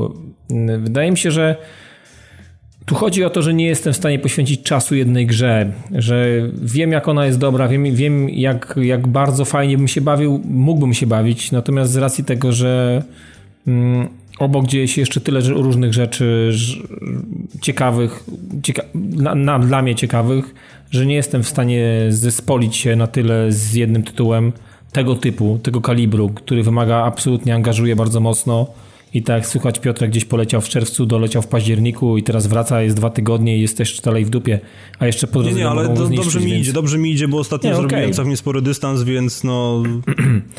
Właśnie, Jak więc... jest czas, to... No, ja po prostu wiem, że gdybym mógł, e, to bardzo chętnie bym to zrobił i grałbym w Elita, natomiast e, tak jak powiedziałem, zrobiłem ten ten słuszny krok, kupując absolutnie kompletną, najbardziej bogatą edycję, która była do kupienia, po to, żeby może w przyszłości móc y, grać w podobnego typu gry i w podobne, w podobne, w podobne tytuły, żeby powstawały, żeby to był jednak sygnał Zagłosowałeś portfelem po prostu. Trochę tak, trochę tak. To był taki przemyślany, przemyślana decyzja Taktyczna kropka tak zwana. Trochę tak. Takie. Wiem, że nie będę grał, ale niech e, twórcy wiedzą, że to jest potrzebne i że takie gry niech powstają i, i, i po prostu niech to się dzieje. Niech, e, niech ci, którzy mogą e, i mają marzenia takie, żeby grać w takie gry, niech mają taką możliwość. Więc generalnie tak trochę poszedłem trochę od innej strony, że tak powiem, do, do tego tytułu podszedłem. I wsparłem go troszeczkę inaczej. Nie tyle samym czasem i możliwościami, możliwością grania, no, co po prostu tym, że, że po prostu dałem znak twórcom, że to jest warte tych pieniędzy i, i, i warto, żeby takie rzeczy powstawały, więc no, taka jest się, moja przygoda z Elitem. Mi się to strasznie podoba i właśnie teraz czekam aż, aż wiedzie nowy Xbox, bo tam to będzie wyglądało po prostu jeszcze lepiej, ale ciekawa informacja jest taka, że dostaniemy nowe statki i tych statków będzie więcej niż tak jak Dawidzie tutaj mogliśmy przeczytać dwa, bo tych statków będzie pięć. O proszę. Będzie pięć nowych statków. Na chwilę obecną walicie ile jest statków? Osiem? Pytanie. Nie. Ale tak rząd wielkości. 22, właśnie policzyłem. No okej, okay, 22. No to tak. 5, no to, to, to nie, już 5 jest, to, no. to, to, będzie zresztą ciekawe, ponieważ tutaj te statki będą, będą jakby no, wkraczały w zupełnie nowe, nowe ramy, tak? Bo do tej pory było tak, że statki dzieliły się na małe, średnie i duże i to chodziło po prostu o stanowisko do lądowania, którego wymagały, żeby wlecieć na stację. No mhm. i wiemy, że w przyszłym roku pod koniec najpewniej pojawią się fleet carrier tak zwane, które będą typem statku capital, czyli największe po prostu jakie są w grze które już w ogóle nie będą mogły gdziekolwiek wlecieć, to na nich się będzie dokowało i to będą pierwsze tego typu, e, które będą w posiadaniu graczy, bo póki co tylko największe federacje mają takie, takie egzemplarze. Wiemy też, że pojawi się e, jeszcze większy transportowiec, który nazywa, znaczy większy od tego, co jest obecnie, tak? Nie większy od kapitala. W każdym mhm. razie pojawi się coś, co nazywa się Panther Clipper, który też będzie no, jednym z większych transportowców. I wiemy, że lada moment, bo właśnie się dowiedziałem teraz, jak, jak, jak grzebałem tutaj w tych różnych informacjach, w zasadzie już w grze powinien się znaleźć statek, który nazywa się Type 10 Defender. I wygląda jak, za przeproszeniem, dojebana wersja ASP, którym ja latam. E, I służy do obrony przed targoidami, więc no... Być może jakiś research po prostu nam go odblokuje, także... Podoba brzmi mi się to. Brzmi dobrze. Brzmi Podoba dobrze. mi się to, on przekozacko też wygląda przy okazji na screenach, które gdzieś tutaj po prostu krążą. Do tego wszystkiego też jeszcze ma być jakiś crate, który nie mam żadnego pojęcia czym jest, ale z lore gry już się dowiedziałem, że to jest statek, który był produkowany przed wydarzeniami z Elite Dangerous i jest jako starość po prostu postrzegany, ale jak widać ktoś chce mu dać drugie życie. I do tego wszystkiego dojdzie jeszcze Chieftain, który wygląda jak jakiś militarny dropship, więc no... zobaczymy. Ale podoba mi się to, co widzę i jestem zdecydowanie na tak, więc nice, po prostu nice. No dobrze, to jak nice, to teraz gry i Battlestar, Battlefront y, Star Wars 2. Była beta, nawet zamknięta, chwilowo taka dla, dla gwiazd internetu i potem otwarta dla wszystkich. Ona nadal trwa jeszcze 9, ale to już dla was nie ma żadnego znaczenia, bo bo się na nie no Dla mnie ma znaczenie, bo ja jeszcze nie grałem i może dzisiaj mi się jeszcze uda po nagraniu. Może ci się uda. Ja odpaliłem, e, chociaż generalnie e, po poprzednim Battlefroncie jestem, mimo że nie jestem, wiadomo, fanem Star Warsów, to jako samej gry, jakby samego tego latania w multiplayerze jestem jak najbardziej na tak. I odpaliłem to dosłownie na, e, żeby rozegrać kilka meczy. I to też nie we wszystkich trybach, bo nie wszystkie tryby mnie interesują. Nie interesuje mnie latanie w kosmosie, a pograłem sobie tryby tam, gdzie jest piechota, tam, gdzie można polatać i, i chciałem generalnie przede wszystkim przyjrzeć się grze i, i tak z grubsza tym zmianom, które gdzieś tam mm, się pojawiły. Standardowo oczywiście, jak to w każdej grze, już teraz mamy skrzynki, więc będą skrzynki e, i, i, i, tak dalej. Ale sam, sam odbiór, e, mam wrażenie, to już z Tomkiem gadaliśmy chwilę przed, przed nagraniem, że trochę inaczej się strzela, ale to, to nie znaczy, że źle się strzela. Według mnie strzela się ciutkę mm, ciutkę inaczej. To jest wszystko takie jakieś e, nie takie ślamazarne jak w poprzedniej odsłonie. Nie wiem, jak ty to, Tomek, odbierasz. Natomiast yy, wydaje mi się, że... jest? Tak, znaczy, że nie jest. A mi się wydaje, że to, że w ogóle to jest y, trochę ciężej jakby, w sensie takim, że Jest ciężej, ale, ale, ale, ale, jest, ale, jest, ale jest, wydaje mi się, że dynamiczniej. Jest, y, jest, y, ta, ta odsłona jest szybszą, szybszą odsłoną będzie. To będzie szybsza gra zdecydowanie. W kwestii samego poruszania, w kwestii samego strzelania, w kwestii w kwestii tego wszystkiego, co się dzieje na, na, na mapie. Znaczy w ogóle wrażenie... jest, jest fajniej tak naprawdę. Jest, ja, ja jest fajniej, jest fajniej, tylko, jest ale, ale, ale jest naprawdę, jest, jest, czucie postaci, to strzelanie jest fajniejsze. Zdecydowanie. wrażenie E, właśnie takiego może trochę nawet cięższego, ale nie, nie jest właśnie jakieś mułowate. Nie jest mułowate. To się z tą zgodzę absolutnie i też mam takie wrażenie, że e, wystarczy rozegrać dwa, trzy mecze i człowiek już wie e, jak, ma, jak ma sobie radzić i jak ma, jak ma, jak ma, jak ma funkcjonować na mapach, więc no ja po becie jakby nadal podtrzymuję swoje stanowisko, że metalowy słoń duży wciąż mi jest na rękę i, i bardzo chętnie znowu pobiegam z, ze znajomymi w świecie multiplayer i, i, i, i, będziemy robić fantastyczne starcia i wszędzie będą latały lasery i wszyscy będą latać z blasterami i będzie naprawdę super i, i piu, piu po prostu tak, piu, piu i, i tutaj jakby ta beta e, trochę nas, że tak powiem uświadomiła, że Mm, że Battlefront się zbliża, a tu jeszcze tyle tak. nieogranych gier niedokończonych. Dokładnie. I że po prostu to się nadaje. Absolutnie to się na, absolutnie nadaje i yy, czekam z miłą chęcią, wezmę to w swoje łapy w dniu premiery i, i, i będę sobie ogrywał i życzę tej grze absolutnie, żeby naprawiła, że tak powiem, e, błędne decyzje przy poprzedniej odsłonie, żeby jednak skupić bardziej y, tą społeczność, żeby żyła tak jak żyje Battlefield 4, tak jak żyje, tak jak żyje Battlefield 1, żeby to wszystko było zaplanowane sensownie, żeby te paczki, te, te, te nowości, które pewnie się będą pojawiać, mm, były dobrze zgrane i w czasie i, i, i tak dalej, żeby, żeby, żeby to faktycznie w jakiś sposób y, mm, nie wygasiło gry za, za pół roku, żeby naprawdę było z kim polatać, żeby ludzie chętnie w to latali po prostu, no bo to jest jakby najważniejsze w, w tego typu grach. Oczywiście ma, będzie, będzie mowa o trybie kampanii, pewnie split screen i misje koopowe, ale, ale to, to, to nie utrzymuje ludzi na tyle, że, żeby, żeby żeby to było takie naprawdę bardzo istotne. Wydaje mi się, że dobry multiplayer i plan na multiplayer i żeby on się nie, nie, nie znudził szybki, szybko jest, e, jest bardzo bardzo ważny i w tej chwili wydaje mi się najbardziej istotnym elementem e, Battlefronta drugiego, szczerze powiedziawszy. Nie wiem, czy się ze mną Tomek zgodzisz, czy nie.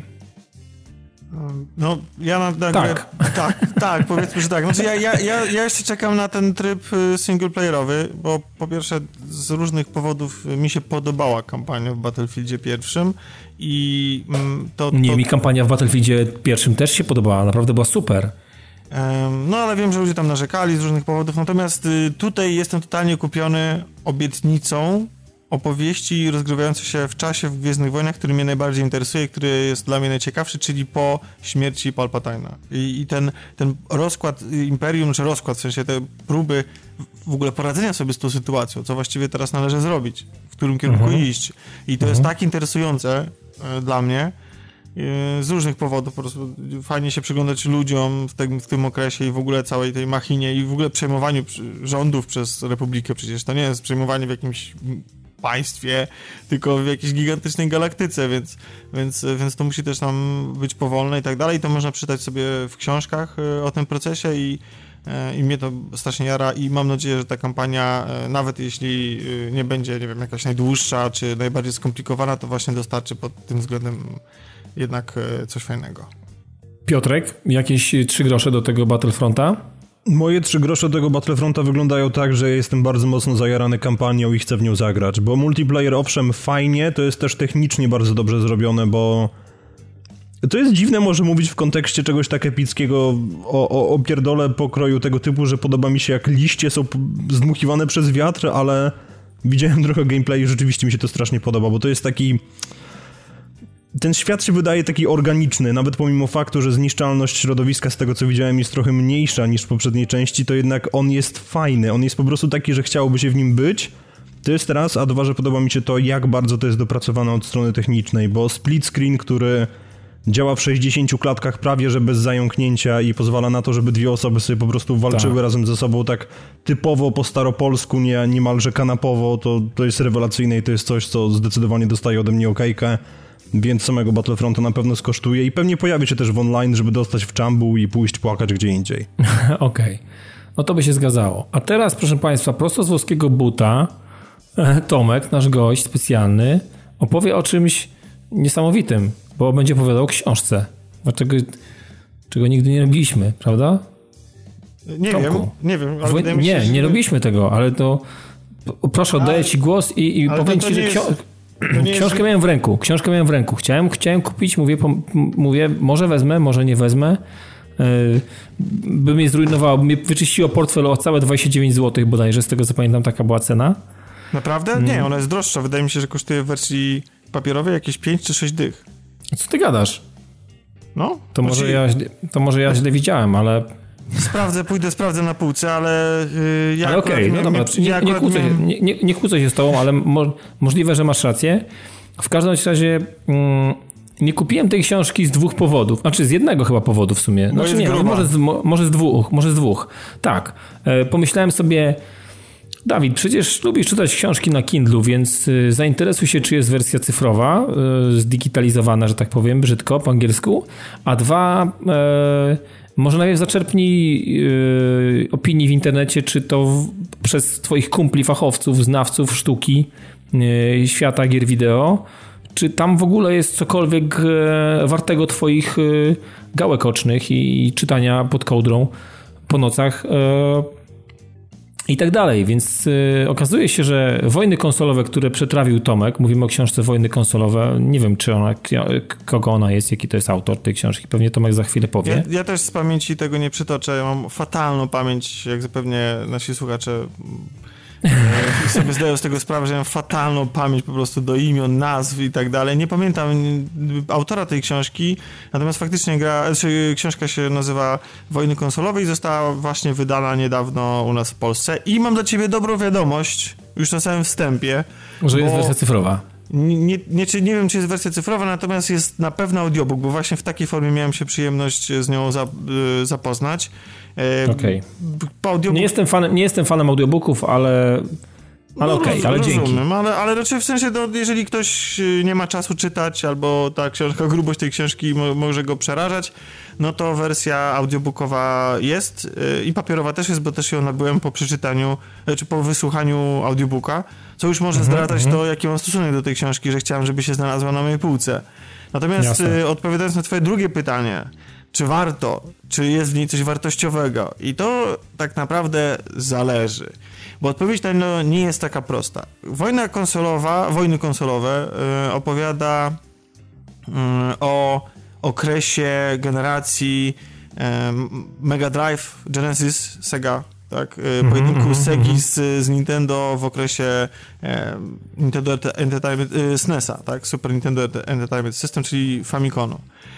I to była zażarta walka na, w Stanach Zjednoczonych głównie, dlatego że e, tak naprawdę w Japonii Nintendo absolutnie górowało i właściwie to też górowało i zdominowało właściwie cały rynek i cały ten rynek ustawiało według siebie również w Stanach Zjednoczonych. Po gigantycznym sukcesie NES-a po prostu Nintendo było królem. Było królem, który niczym imperium z Gwiezdnych Wojen jest w stanie dyktować warunki na tym rynku, jest w stanie do swoich zasad, e, niezależnie od tego, jakimi pobudkami były te zasady e, spowodowane, rygorystycznych e, zasad traktowania swoich kontrahentów, klientów i w ogóle, na przykład do, z dostępnością, w kwestii dostępności produktów, no więc im to wszystko uchodziło na sucho, oni mogli sobie to narzucać i wszyscy musieli się z tym godzić, niezależnie od tego, jak duży to był market, czy jak, jak potężna firma na tym rynku. Bo wiedzieli, że Nintendo dostarczy im po prostu pieniądze. No, zresztą to samo do- dotyczyło i twórców gier, którzy, którzy po prostu, no, no cóż, współpraca z Nintendo nie zawsze należała do najprostszych.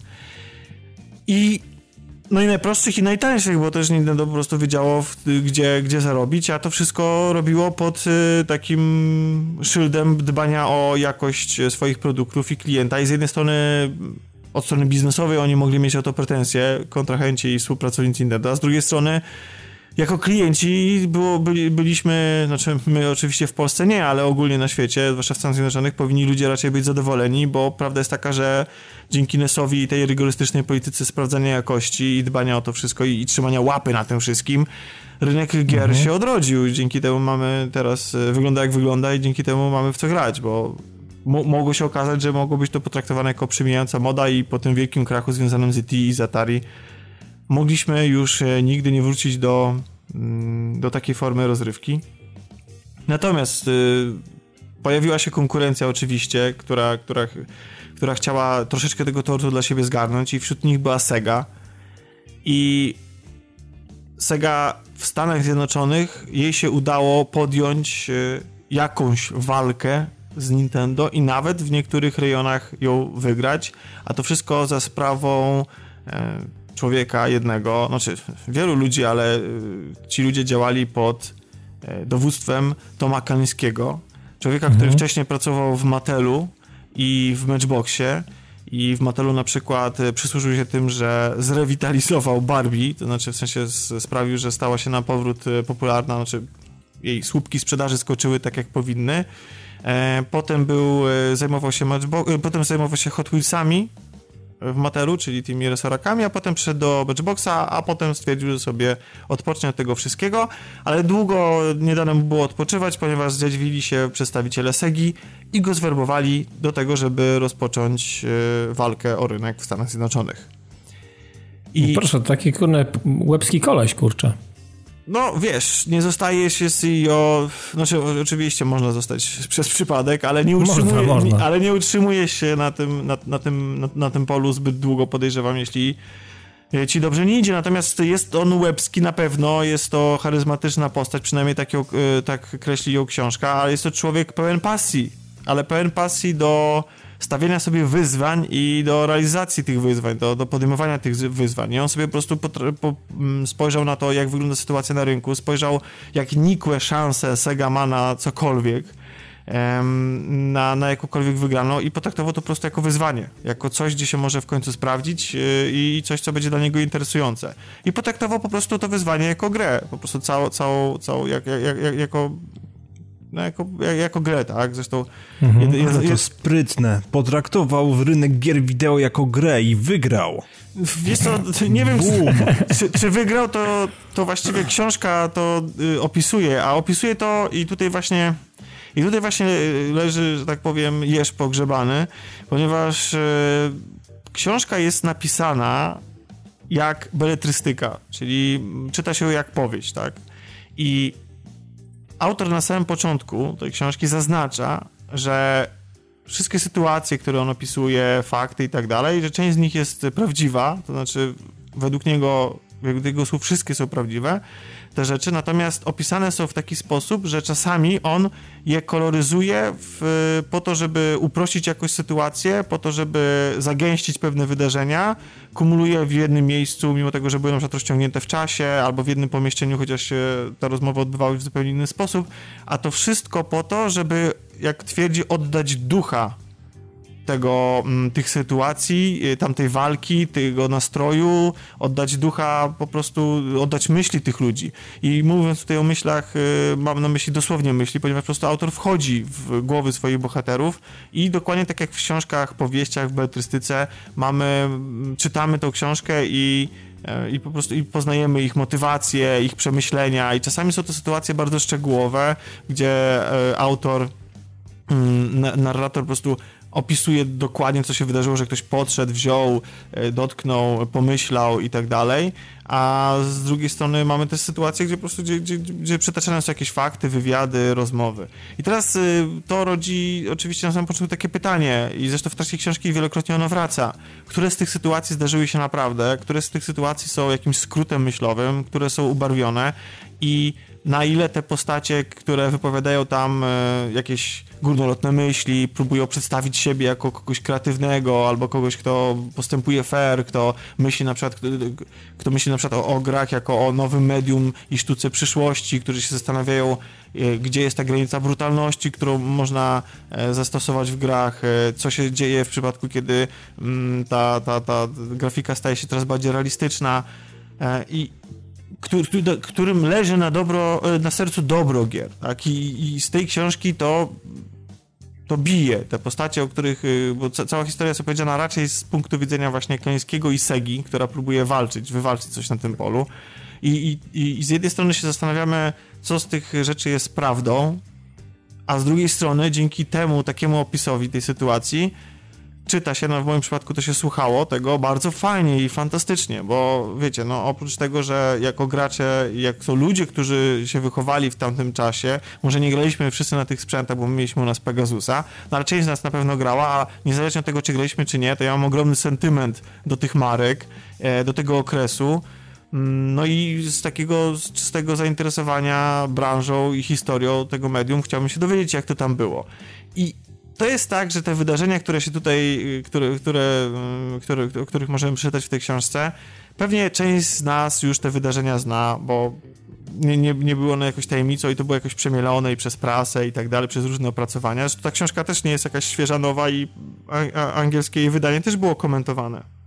Mhm. I, I przytaczane te, te historie były ale e, co nie zmienia faktu, że i tak to, to się czyta po prostu bardzo fajnie i ta książka zwraca uwagę i, i, i kreśli ten portret y, takiej właściwie mm, walki o, o, o, ten rynek, o walki pomiędzy tymi markami, e, która, co ciekawe, mniej nawet czasami polegała na walce z Nintendo, a bardziej czasami na walce z oddziałem japońskim, z szefami w Japonii, którzy nie do końca rozumieli filozofię biznesu pojmowaną przez Amerykanów, e, którzy, którzy no, byli w jakiś tam sposób dumni e, ze swoich decyzji, którzy byli i bardzo przy tych decyzjach e, się upierali. Oni po prostu ta, ta, ta, te nieporozumienia i te różnice w prowadzeniu biznesu, ale też i w, różnice w pojmowaniu własnego produktu doprowadzały bardzo często do konfliktów, do tego, że mm, jak się zastanawiano na przykład, jakie imię wybrać dla Sonika, czy dla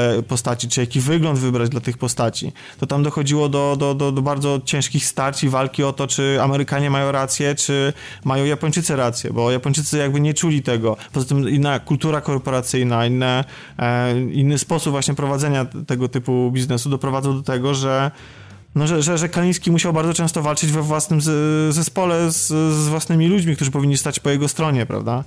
No ale, mhm. ale podjął tę walkę. Przede wszystkim podjął tę walkę próbując nadać jako tożsamość, jakąś tożsamość Sedze. Bo, bo, bo zauważył, że, że, że to jest droga do, do, do tego, żeby co, cokolwiek wygrać, żeby się w jakiś sposób odróżnić od Nintendo, skierować być może swoje produkty do trochę innej grupy i nadał Sedze taki posmak buntu, takiego trochę punka. Skierował te produkty do trochę innej klienteli, nie do rodzin, tak jak Nintendo, czy młodszych dzieci, ale do takich trochę starszych dzieci. I kampanie reklamowe i cała myśl, która miała przylgnąć do Segi, były takie dużo bardziej agresywne. Nie bał się konfrontacji z e, Nintendo mm, i porównywania produktów. Nie bał się właśnie takiej agresywnej kampanii reklamowej.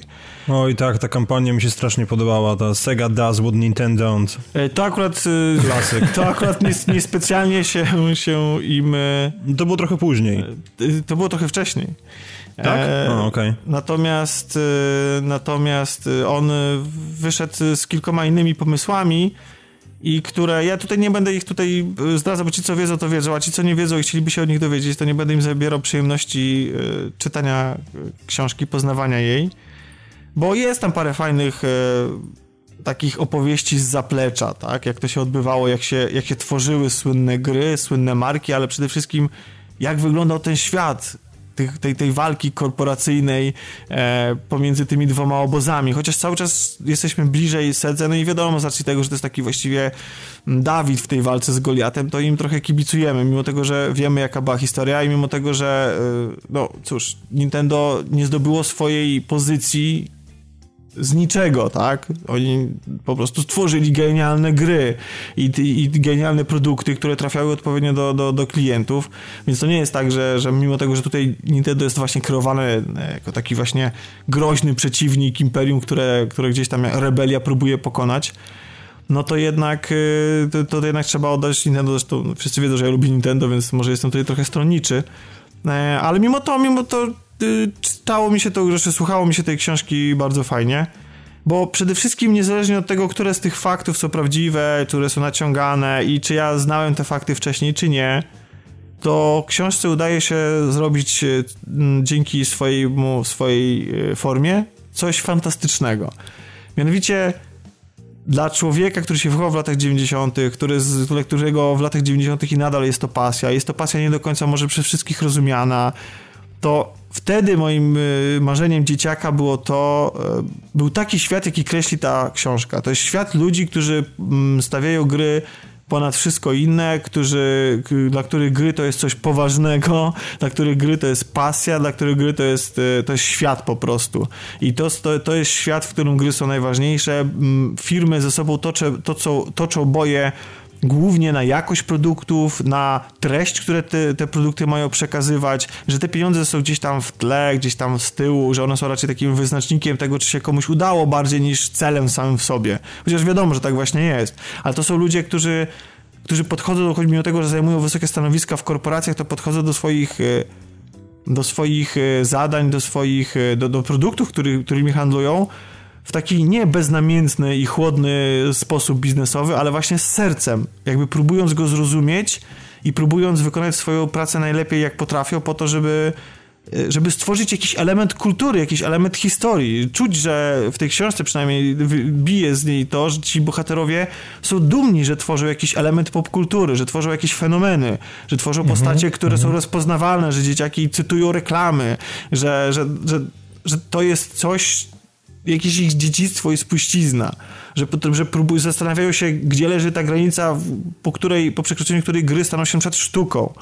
Więc to jest początek lat 90., a książka opisuje pytania stawiane sobie przez bohaterów, które stawiają sobie ludzie zajmujący się grami również dzisiaj, ale Dokładnie. też ale też fajnie pokazuje, jak niewiele się zmieniło w samych e, takich procesach marketingowych i podejściu do klienta, klienta od tamtych czasów. Tak samo są zaciągani celebryci do reklamowania, tak samo jest, e, wydaje mi się, nadal jest e, pojmowany klient, jak właśnie jak w tamtych czasach, mimo tego, że my się zmieniliśmy i postarzyliśmy, to gdzieś tam w tych, y, w tych głowach marketingowców, w tych salach konferencyjnych, w tych wszystkich wykresikach, y, badaniach fokusowych i tak dalej, to pobrzmiewają dokładnie te same tony. I ta książka to pokazuje. I kwestia tego, czy my w ten świat uwierzymy. Jeśli uwierzymy i damy się ponieść autorowi, autorowi to y, mimo tego, że ona nie jest może najlepiej napisana, miejscami jest naprawdę o, strasznie grafomańska, to jeśli mimo, mimo tego damy się ponieść tej historii, to będzie to nas fantastyczna wyprawa w przeszłość, fantastyczna historia walki właściwie walki o przyszłość gier właściwie, czyli o coś, co nas wszystkich pasjonuje, więc jeśli macie w sobie serce do gier i interesuje was e, to, co się działo z grami kiedyś, to myślę, że śmiało możecie po tą książkę sięgnąć. Natomiast jeżeli jesteście, oczekujecie jakiejś bardzo akademickiej, konkretnej dyskusji, wykładu, tabelek, e, liczb e, i, i właściwie takiego i właściwie takiego suchego przekazywania informacji, to możecie to być tutaj. zawiedzeni. To nie mhm. tutaj. To ta książka mhm. wam tego nie dostarczy, bo jest ona opakowana prozą. Jest ona opakowana po prostu historiami. Jeden z bohaterów e, w książce stwierdza, że to, co się liczy najbardziej, kiedy próbujesz coś sprzedać, kiedy próbujesz cokolwiek zrobić, to jest takie trochę grafomańskie, takie Paulo Coelho, nie? ale stwierdza, że istotna jest opowieść, że tak naprawdę wszystko jest snuciem opowieści, nie tylko grą, ale też jest snuciem opowieści, że za wszystkim musi się kryć historia. I wydaje mi się, że ta książka sprawia, że za grami, przynajmniej z tamtego okresu, kryje się historia. I moim zdaniem warto po nią sięgnąć. No, w trakcie jak opowiadałeś, i, i zdążyłem zakupić e-booka, więc akurat trafiłem na promocję, na promocję na Virtualo, kupiłem za 32 zł, więc jestem, jestem szczęściarzem i jutro jadąc do pracy będę mógł już zacząć to czytać, więc e, no, no mnie już nie musisz zachęcać no, mam nadzieję, mam, mam, nadzieję, że... mam nadzieję, że cię to kupi. No, ja ostrzegam uczciwie że, i autor też. Znaczy, wiesz, no, książka... ja, ja, ja, ja, nie chcę jakiegoś, wiesz, y, harmonogramu PMA i wykresów Ganta, żeby czuć się dobrze czytając takie rzeczy. Dla mnie taka, taka, taka forma prezentacji świata, którego, który znam z jakichś tam, wiesz, innych rzeczy, albo z jakichś plotek, albo z jakichś y, rozmów ze znajomymi, z, z kolegami, z przyjaciółmi z lat młodzieńczych, no to będzie bardzo fajnym uzupełnieniem tego, co, co udało mi się kiedyś wyczytać w różnych rodzajach prasie, czy to był Bajtek, czy to była jakaś inna prasa tego kalibru w tamtych no, no latach, w latach 80., 90., po, tak? Po prostu pozostaje jeszcze kwestia podejścia tego, co z tych rzeczy to są fakty, a co jest. Y, Otóż to, ale to już wiesz. O tym teraz ciężko im będzie powiedzieć, tak? Jasne. Będę to rozkminiał to w trakcie z chęcią, czytania. Nie? Z chęcią wrócę do tego i poznam Twoją opinię, jak to by się podobało, jak już przeczytasz. Okej. Okay. No to zatem e, książka pierwszy raz na, na antenie podcastu zrobiona i Kurliki chyba też pierwszy raz e, grane na Nintendo przez Tomka. Też no, będzie pie, mieli... pierwszy raz, bo to pierwsza taka produkcja. no Taki... dla, wiem, bezczelnie, specjalnie tak powiedziałem. Taki... Więc y, grana przez Tomka na, na pstryku, prawda? Więc... Tak, na pstryku y, dzięki Łukaszowi. Dzięki Łukaszowi, który tak. nas wspiera cały czas i bardzo mu dziękujemy, także jeszcze raz high five dla Łukasza. Kolejna produkcja dzięki... Je, jeszcze dzięki... raz, jeszcze raz. Tak, kolejna produkcja, którą możemy ogrywać właśnie dzięki jego e, szczodrości, fantastycznemu wsparciu, który nas cały czas jakby nie opuszcza w tym temacie. I oczywiście przypadło to Tomkowi e, e, na klatę. I... Tak, z, z racji posiadania pstryka. Ja... Tak tak. Jak, jak już mówiłem niedawno, jakoś tak... Y, jakoś tak strategii ostatnio to nie bardzo, z różnych powodów. Y, nie, nie, nie byłem jakoś specjalnie nastawiony do, do tej gry hura optymistycznie, znaczy wiedziałem, że jest dobra, według znawców, według tych, którzy w nią grali, recenzentów smakoszy, i tak dalej. Smakoszy, tak? Mhm. Tak, według smak, smakoszy królików. Natomiast no, dla mnie okej, okay, spróbowałem i muszę przyznać, że po początkowej takiej rezerwie, takim chłodnym podejściu, to wciągnąłem się w tą grę. Tak, ona daje, daje mnóstwo fanu, ale po kolei.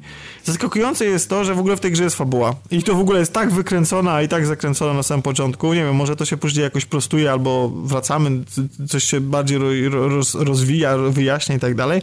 Ale początek jest taki, że jakaś fanka Nintendo i, i fanka McDonalda jednocześnie, bo wydaje mi się, że figurki, które posiada w, w swoim pokoju, to były te, które były dołączone do Happy Meal e, w Polsce te takie figurki z postaciami z Nintendo. W każdym razie e, fanka Mario i wszystkiego, co od Nintendo, która ma w pokoju absolutnie wszystko e, i jednocześnie jest y, naukowcem, kimś wynalazcą, w każdym razie kimś, kto wymyśla, że y, dzięki specjalnym goglom, patrząc na dwie różne rzeczy, jest w stanie je połączyć i dzięki temu stworzyć zupełnie nową rzecz.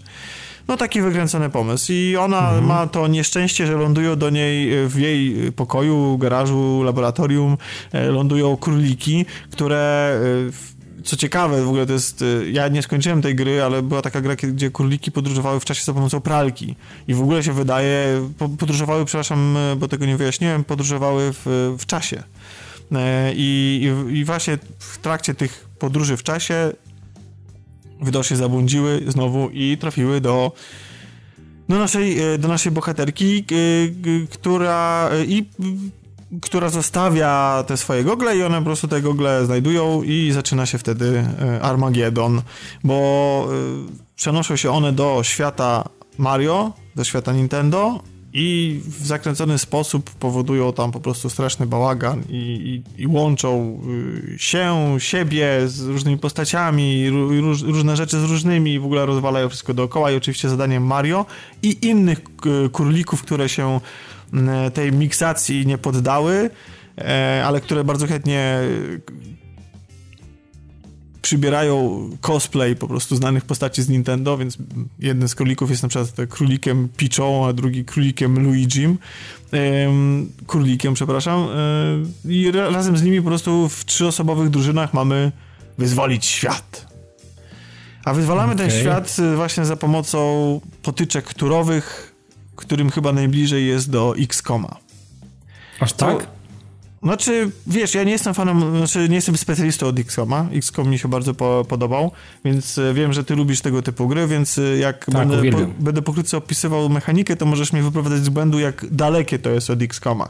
Generalnie sama, e, sama rozgrywka jest podzielona na światy, tak jak to mamy w przypadku typowych gier z Mario, gdzie platformówek.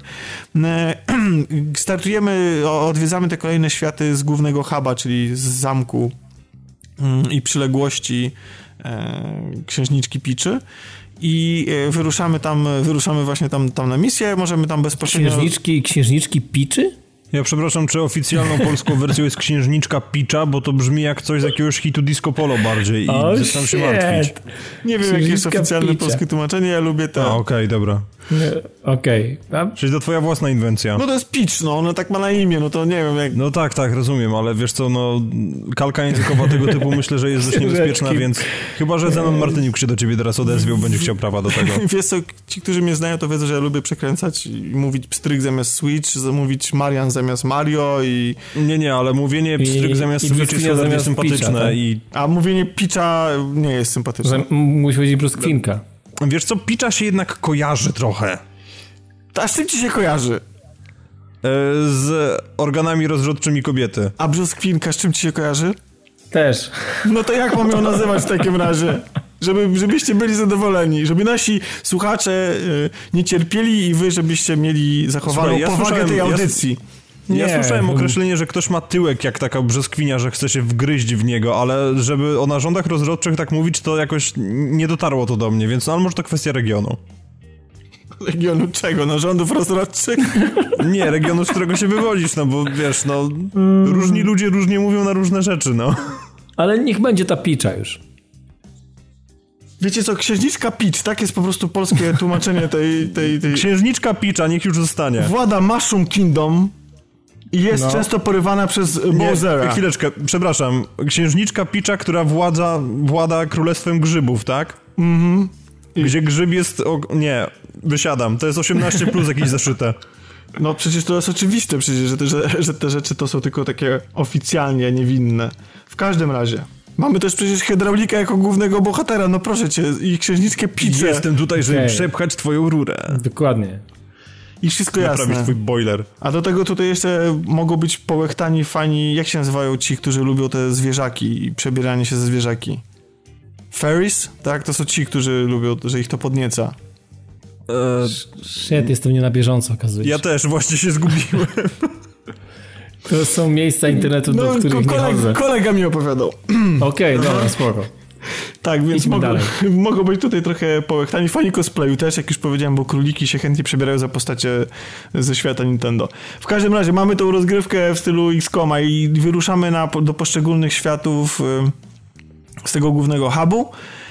E, mamy dostęp do upgrade'ów i tego typu rzeczy właśnie z, z, poziomu menu, więc nie musimy ich odwiedzać, ale możemy też je odwiedzić e, w głównym hubie. One są tam po prostu z każdym postępem w grze dostajemy jakąś nową budowlę, która nam coś tam daje nowego, tak? Bo oczywiście postacie, e, postacie levelują, można im przy, e, uruchamiać specjalne zdolności za punkty doświadczenia. Oprócz tego zdobywamy, odkrywamy za pomocą znajdziek rozsianych po świecie nową broń i o, ta, broń, tak, ta broń ta też, też ma swoje statystyki, ma też jakąś swoją specjalną zdolność, w sensie moc, która, mm, e, która na przykład potrafi, moc na przykład miodu, który potrafi unieruchomić przeciwnika na, na jedną turę czy, czy na dłużej. Mamy moc podpalenia tego przeciwnika i w ogóle te moce sporo zmieniają, prawdę mówiąc. Potrafią tak namieszać czasami na, mm, podczas, podczas starcia, że, że E,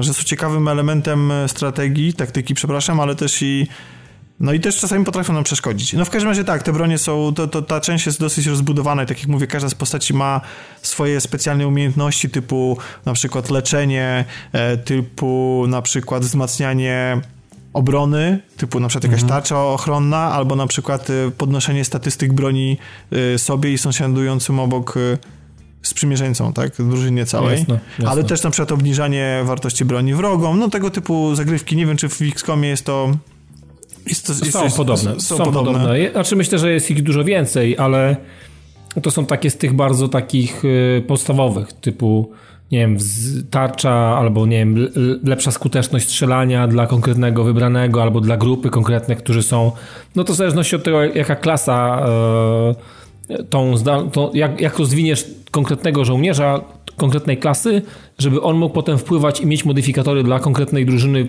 w trakcie już potem kolejnej misji, nie? Więc tak w XCOMie myślę, że to jest bardziej rozbudowane.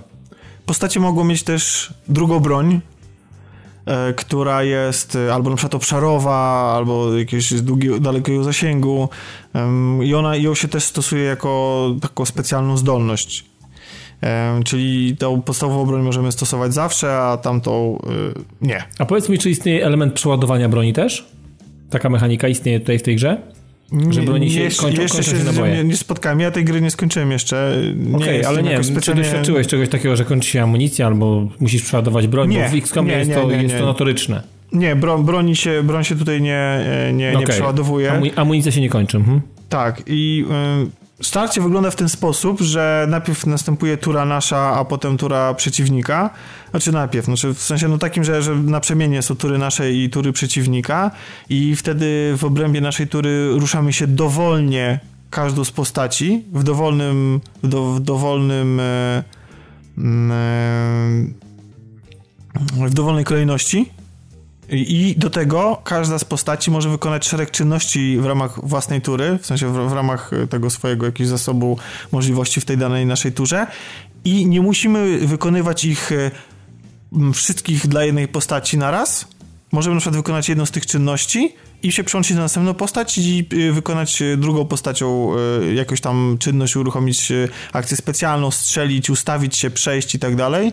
E, I na przykład przełączyć się na jeszcze inną postać i w ten sposób dzięki temu to te starcia są naprawdę bardzo, e, dają dużo możliwości takich taktycznych, no bo te postaci raz, że mają uzupełniające się w jakimś tam stopniu te umiejętności, trzeba odpowiednio dobierać je do, mm, e, do starcia, bo też różne bronie na przykład działają, działają efektywnie na Y, przeciwko konkretnym wrogom na przykład, prawda? I przed starciem mamy możliwość wybrania, kto ma być w naszej drużynie, no bo w ramach postępu na początku dostajemy trzy postacie, ale potem w ramach postępu w rozgrywce zdobywamy nowe, wyspowodzamy, odkrywamy i możemy, mhm. one dołączają do naszej drużyny i możemy je, tak jak żołnierze, tam po prostu wymieniać i, i je tak samo upgrade'ować, wszystkie, wszystkie do, działają na, ty, na tej samej zasadzie, przynajmniej do tego momentu, do którego ja doszedłem. I, i teraz y, tych możliwości, y, jakie ma postać w danej turze jest całkiem sporo, no bo oczywiście możemy się ruszyć, I e, niestety nie można e, cofnąć żadnego swojego ruchu. Czyli jak się ruszymy, to już jest kaplica, tak? W sensie nie, nie wiadomo, tego... no to, to jest takie standardowe x też. E, natomiast z tym poruszaniem się, bo to jest bardzo ciekawa rzecz. Otóż e, samo poruszanie się, e, możemy po prostu pokonać jakieś, jakąś odległość i na przykład skryć się za murkiem i są, są takie procentowo jest oznaczane, jak bardzo jesteśmy skryci za tym murkiem, no bo możemy być mhm. skryci za murkiem, który nas zakrywa w 100%, za murkiem, który zakrywa nas w 50%, no i bez murku, czyli 0%. Te murki są w ogóle zniszczalne, te wszystkie osłony są zniszczalne, znaczy nie wszystkie, ale niektóre z osłon są zniszczalne, więc siedzenie cały czas w jednym miejscu też nie wchodzi w grę bo, bo często musimy się ruszać, bo po prostu po jakimś czasie jesteśmy odsłonięci. Mm, no i to oczywiście, y, to oczywiście oznacza, jak bardzo jesteśmy wystawieni na atak. Ma znaczenie też na przykład wysokość, na której się znajduje postać. Czy postacie, które się znajdują wyżej, mają więcej możliwości niż te, które się znajdują niżej. Mm, tak, czyli jakby ukształtowanie terenu i położenie postaci y, na to wpływa, widoczność i tak dalej, na widoczność takiej postaci.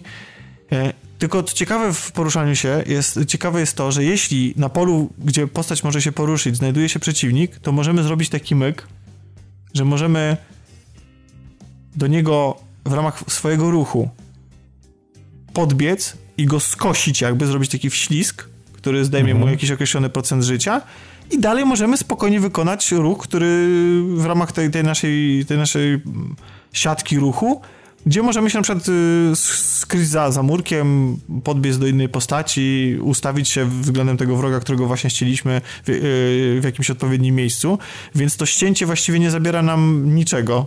Jest, jest takim danym nam od, y, od deweloperów darem, od, Oczywiście wrogowie taki sam posiadają.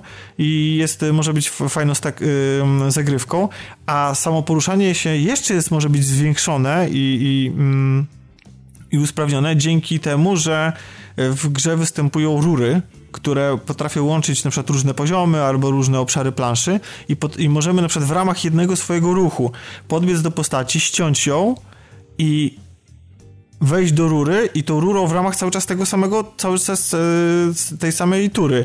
Przebiec tą rurę, wydostać się z tej rury po drugiej stronie zupełnie planszy, albo być na, nagle się znaleźć wyżej i widzieć tą postać na przykład z mhm. wysoka, albo od tyłu ją zajść i stamtąd y, wykonać następny ruch, jaki możemy wykonać. Więc y, nagle się okazuje, że to poruszanie się po planszy jest naprawdę bardzo rozbudowaną opcją i daje nam bardzo dużo możliwości i frajdy po prostu. Um, i tak jak powiedziałem, no to co jeszcze oprócz tego poruszania się właściwie i, te, i tych ślizgów możemy robić? No, możemy przede wszystkim oddawać strzał i e, czyli tak po prostu jakby walczyć tak jak to, mm, to, ma, to, to ma miejsce w tego typu grach możemy użyć właśnie naszej zdolności specjalnej i to się nie wyklucza, czyli po prostu po oddaniu strzału mamy jeszcze możliwość użycia naszej zdolności spe specjalnej, leczenia, e, czy, jasne, jasne. czy na przykład wy, wy, ustawienia tak, trybu warty, tak, wartownika. Czegoś, co chyba w XCOM jest w standardzie, że możesz zawsze po prostu wybrać, że nie oddajesz strzału, a poświęcasz tą tur, e, te punkty jakieś tam, tak, ruchu, czy, czy, czy, czy, czy, czy czegoś e, na to, żeby przejść w tryb wartownika, tak, że wtedy jesteś, wyczekujesz, jak tylko w tak, ruchów, ruchów. No to typowo ich skomowa też, taki tryb no to tutaj, po prostu nie Tak, to tutaj, i... tutaj nie musisz niczego poświęcać, tylko po prostu wykorzystujesz to jako, jako specjalną umiejętność, tak? Po tak, prostu. Tak, tak, tak. I... Um, no i można użyć y, dru, drugiej, y, drugiej broni, tak, jakiejś, która, która jest na przykład obszarowa i może kilka wrogów naraz razić, albo jasne, tych, którzy są skry, skry, skryci, skryci za, za murkiem. Um, mamy rozmaity, mm, znaczy stajemy naprzeciw rozmaitemu, e, rozmaitym wrogom. Ten zestaw wydaje się całkiem, całkiem interesujący. Ci wrogowie mogą być e, bardzo skoczni, mogą wykonywać rozmaite ewolucje i przeskakiwać bardzo duże obszary planszy. Mamy wrogów, którzy na przykład, e, wbrew temu co powiedziałem, potrafią się ruszać po oddaniu przez nas strzału, to znaczy po tym jak my ich zaatakujemy, to oni nie czekając na turę przeciwnika, na turę konsoli, komputera i tak potrafią nas zaatakować. Jeżeli, jeżeli znajdziemy się w, w ich obszarze e, działania. E, I to nie są przyjemni wrogowie. No domyślam się. I mamy też e, na przykład y, postacie, które są neutralne i atakują wszystkich. To y, mamy taką wielką y, kulę zębatą, która, która niezależnie od tego, kto się w jej zasięgu znajdzie, to obrywają zarówno wrogowie, jak i my. Więc należy się, się jej wystrzegać. Mm, mamy pojedynki z bossami, Nie wiem, czy w XCOMie są pojedynki z bossami. Są, są. W drugim XCOMie pojawiły się, pojawiły się takie pojedynki i w tym dodatku teraz, który wyszedł, o którym pewnie będę opowiadał za jakiś czas, e, jak go, jak go ukończę, e, też pojawiły się dodatkowo jakby takie postacie, które też można traktować jako, jako pojedynki z bossami, więc e, w tej chwili mamy te podstawowe z dwójki plus te z dodatku.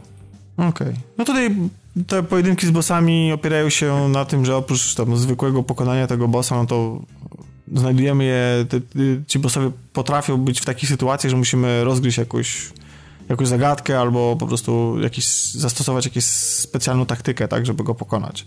Że, mhm. to nie jest, że to nie jest takie proste. Ja jeszcze zwrócę na chwilę do tych zdolności, bo one czasami potrafią namieszać na polu walki, bo na przykład podpalenie przeciwnika raz, że no, zdejmuje mu dużo zdrowia, ale potrafi go wykurzyć za osłony i w ogóle potrafi przetestować ustawienie na planszy, bo nagle się może okazać, że po prostu, że on znajduje się w zupełnie innym miejscu niż my sobie planowaliśmy i jesteśmy wystawieni na przykład na jego atak bo, bo on po prostu będąc podpalonym biega po prostu po całej planszy podpalony, jak, jak podpalony, jak poparzony i się gdzieś tam ustawia, więc to też może, może namieszać. Mm, I wydaje mi się, że ja nie jestem znawcą i specjalistą od e, strategii, ale wydaje mi się, że te wszystkie możliwości, które opisałem, a podejrzewam, że jest ich jeszcze więcej, że gra daje jeszcze więcej tych możliwości, e, no to, to, to daje dużo frajdy, tak? Komuś, kto, kto lubi tego typu potyczki. Nie wiem, jak Tak, wiesz co, ja, ja, ja, mam do ciebie tylko jedno pytanie może, o, bo sama rozgrywka i, i jakby pojedynki, to, to przypomina dosyć mocno może nie tak rozbudowaną mechanikę, jaka jest w XCOMie, ale na pewno bardzo mocno przypomina XCOMa, e, ale ja mam pytanie odnośnie samej, samej tej bazy, samego tego huba. Powiedz mi, czy tam jest jakiś cykl, nie wiem, miesiąca, że zarabiasz jakieś pieniądze, że ktoś ci za coś płaci, za to, co robisz w tej nie, grze? Nie, nie, to nie ma czegoś takiego. Znaczy, ja jeszcze na coś takiego nie natrafiłem. To jest, nie ma żadnej rozbudowy jako takiej bazy, że tam, że, że, że masz swoich ludzi i tam i naukowców i przerzucasz jakieś pieniądze okay. na to. Nie, nie, czegoś takiego nie ma. To jest, przynajmniej do tej pory, to ja na coś takiego nie trafiłem i to jest bardzo uproszczone. A jak ale... wygląda rozbudowa bazy właśnie? Je, znaczy, jeżeli, jeżeli ona, taka w ogóle jest? O, o, po jakiejś nie, misji dostajesz jakiegoś unlocka konkretnej tak, tak, że, tak, że coś, że, tak, tak, tak, że coś takiego się pojawia, ale to, y, że jakiś budynek po prostu jest zbudowany przez króliki. E, Okej, okay, rozumiem, rozumiem. Czyli w, tym, w tym królestwie, ale, ale... Uproszczone mocno. Uproszczone, ale w zamian za to jest dane co innego z kolei, bo my podróżujemy pomiędzy poszczególnymi bitwami, podróżujemy po świecie po prostu biegamy sobie po, po tym świecie, możemy swobodnie go zwiedzać i stosując jakieś umiejętności, które nabywamy w trakcie rozgrywki, rozwiązywać bardzo proste zagadki, e, które doprowadzają nas do tego, że właśnie, że zarabiamy więcej pieniążków, które przeznaczamy na... E, Jezu, pieniążków. Jaka kelnerszczyzna. Więcej pieniędzy... Pienio pieniążków, no, tak. no, pieniążków hajsu więcej zarabiamy, żeby wydawać sprzęt na gnaty, znaczy pieniądze na te gnaty, na staw, rozumiecie, nie? No i ty uzbrajesz tych naszych y, wojaków. A, a króliki ci mogą zginąć na misji co wtedy robisz? nie, nie giną, nie ma permadeath. Jest coś takiego, że one po prostu dostają takiego dizzy, że kręcą im się gwiazdki, są nie, nie, nie, są zdatne do użycia w trakcie pojedynku. Ale w następnej już mogą spokojnie, muszą się wyleczyć, tylko od następnej misji już są dostępne, tak? Są dostępne, natomiast y, jest coś takiego, że mm, co prawda twoje postacie zyskują zdrowie po, każdej, po każdym pojedynku, ale nie jest tak, że one się całkowicie mogą wyleczyć, znaczy wyleczają się z czasem, tak, ale, ale mm, to nie jest tak, że do każdego kolejnego pojedynku przystępujesz z pełnią zdrowia. Okay. I więc jeżeli... Czyli leczą dużo... się do jakiegoś tam poziomu, tak? Tak. Jeżeli za dużo oberwałeś, no to w następnym pojedynku twoja postać ma po prostu oberwane. I mhm. jest możliwość obejścia tego, bo jest easy mode, przed każdym pojedynkiem możemy sobie włączyć e, ułatwiacz, który powoduje, że nasze postacie mają więcej energii i automatycznie są wyleczone. Całkowicie. Okej, okay, okej. Okay, okay. Więc jeżeli, jeżeli ktoś ma trudność z pokonaniem jakiegoś poziomu, jakiejś walki, no to, yy, to, to, to, to może sobie to załączyć, bo gra wbrew pozorom nie jest wcale taka łatwa. Początek co prawda jest bajeczny, po to, żebyśmy się my tej gry nauczyli, ale w ramach tego, czy wraz z postępem naszym w grze, gra robi się naprawdę wymagająca i wraz ze wszystkimi tymi możliwościami rozgrywki, no to jest to naprawdę taki satysfakcjonujący kawałek yy, potyczki. I, I mi osobiście sprawia przyjemność bardzo dużo. Zresztą nie wszystkie misje polegają na tym, że mamy wroga pokonać, bo niektóre mają, polegają na tym, że mamy na przykład kogoś e, eskortować. Uratować, no dokładnie, tak, tak, to standardowe takie XCOMowe. Albo na przykład, że mamy, że mamy po prostu dotrzeć w jakieś miejsce. Albo podłożyć jakiś ładunek czy cokolwiek. Mhm. Mm, więc no, na takie jeszcze nie trafiłem, ale podejrzewam, że to będzie się jakoś tam zmieniało. No w każdym razie, e, więc to nie jest tak, że, że, że mamy, e, że, że, że wszystkie polegają na tym, żeby wytłuc wszystkich wrogów i czasami się po prostu nie da i wtedy musimy kombinować, jak to zrobić, bo oni się na przykład odradzają, prawda? Że to nie jest tak, że stała liczba wrogów na planszy, tylko e, jak stoimy w jednym miejscu, to się nagle oni odradzają, więc musimy kombinować, jak to, jak to, jak, jak to zrobić, żeby żeby rozplanować nasze ruchy, żeby się dotrzeć do, do tego miejsca jednocześnie za bardzo nie obrywając. E, fajne jest też to, że można do wszystkich tych walk wracać, jeśli się nam to podoba, z nowymi mocami. Natomiast e, te nowe moce i w ogóle taką zachętą do odwiedzenia tych krain, które, tych światów, które już mm, które już wcześniej przeszliśmy, jest to, że do niektórych znajdziek, miejsc, ukrytych zagadek, skarbów i tak dalej. Nie mamy dostępu, bo nasz e, taki, nie wiem czy kojarzycie takie jeżdżące odkurzacze, Rumba. Tak, jest, ja oczywiście, że tak. No to ja mam, mi się kojarzy ta postać, która, która komunikuje się z naszymi postaciami, która jest takim ich przewodnikiem, to, to ona wygląda jak rumba, tak? I to ona zdobywa te mocy, które pozwalają naszym bohaterom podróżować e, po świecie, bo co ciekawe, Mario w tej grze nie potrafi skakać i podobno to był taki taki, taki punkt w umowie z Ubisoftem, bo to Ubisoft odpowiada za tą grę, że mhm. Mm, Mario, że super, jeśli powstanie jakaś gra, ale Mario ma przekazane, że nie może skakać sensie takim, takim skakać, jak to Mario skacze w, w, no tak. w, w platformówkach. Stąd być może formuła XCOMu i powiem szczerze, jestem zaskoczony, jak bardzo to, to, to działa. Do tego wszystko jest polane sosem e, takiego humoru, który jest, e, tam jest sporo kurliczego humoru, który nie każdy, bo to są takie minionki, wiecie. I nie każdemu ten, ten kur, te, te kurliki mogą przypaść do gustu, ale one są trochę zmiksowane z takim i ułagodzone przez e, atmosferę i humor Nintendo, więc to wszystko jest raczej urocze i jeśli już takie zwariowane, to, to, to w taki przystępny sposób. I absolutnie moim faworytem jest po prostu e, kur, kurliczy cosplay, e, kurliczy kurlicza cosplayerka, powiedzmy, bo nie wiem, czy te kurliki mają jakąś płeć, e, księżniczki Piczy. Jest po prostu absolutnie rewelacyjna. Ona w każdej chwili jest w stanie wyciągnąć komórkę i strzelać sobie selfie.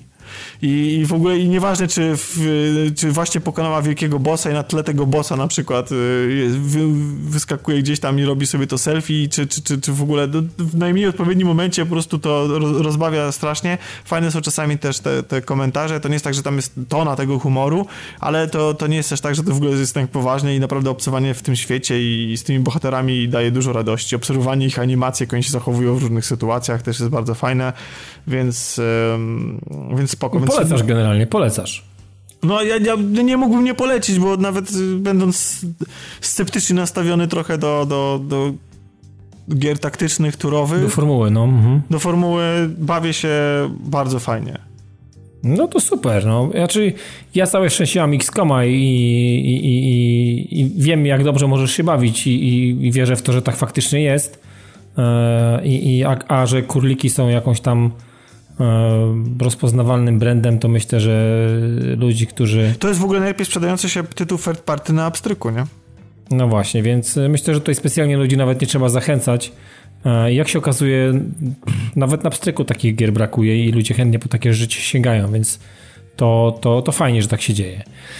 No dobra, Tomku, dziękujemy Ci za te kurliki, za te wojny konsolowe. Teraz zostały nam na koniec e, premiery. I okazuje się, że są dosyć, dosyć ciekawe te premiery, bo mamy Śródziemie Cień Wojny, 10.10 i 5 dni później mamy The Evil Within 2, więc to jest coś, na co będę chciał położyć rączki e, i, i zobaczyć, co, co z tym się da zrobić, bo jedynce, którą udało mi się mm, ograć e, mocno na... Znaczy, kawałek na PS3, a jestem teraz też w posiadaczu, w posiadaniu na Xboxie One, więc y, kontynuuję sobie przygodę no to jest tytuł, który akurat, nie wiem, w jakiś magiczny sposób mi siadł i zakładam, że dwójka z dwójką będzie podobnie. Będę chciał sprawdzić, więc e, to jeżeli chodzi o kupienie czegokolwiek w tym tygodniu, to takie dwie rzeczy z tych grubszych wydaje mi się was czekają. No i co panowie, kończymy ten odcinek. Miało być krótko, a wyszło jak zwykle. Czyli nadajemy się do tego bardzo mocno i z byle czego zrobimy odcinek dwugodzinny, prawie że niemal. Tragedia po prostu. Dramat. Mam nadzieję, że nasi słuchacze nie mają na nic za złe i wrócimy za tydzień. Ja będę się powoli żegnał. Prowadziłem ten 253 odcinek podcastu. Nazywam się Dawid Maron, a moimi gośćmi i współprowadzącymi byli jeszcze Piotrek Mozelewski. Dzięki wielkie za uwagę. I fantastyczny Tomek Pieniak. Ojej, ojej, dziękuję za ten komplement. Dzięki, pozdrawiam e, wszystkich. Do zobaczenia nadzieję, na WGW. Do zobaczenia na WGW, a myślę, że po WGW też usłyszymy się e, już za tydzień z małą relacją z tej imprezy. E, też może już z Robertem, mam nadzieję. I powiem wam trochę, trochę więcej na temat imprezy, jak było. I, i oprócz tego uzupełnimy to jakąś inną porcją informacji z tego tygodnia. Także trzymajcie się i do usłyszenia za tydzień. Cześć.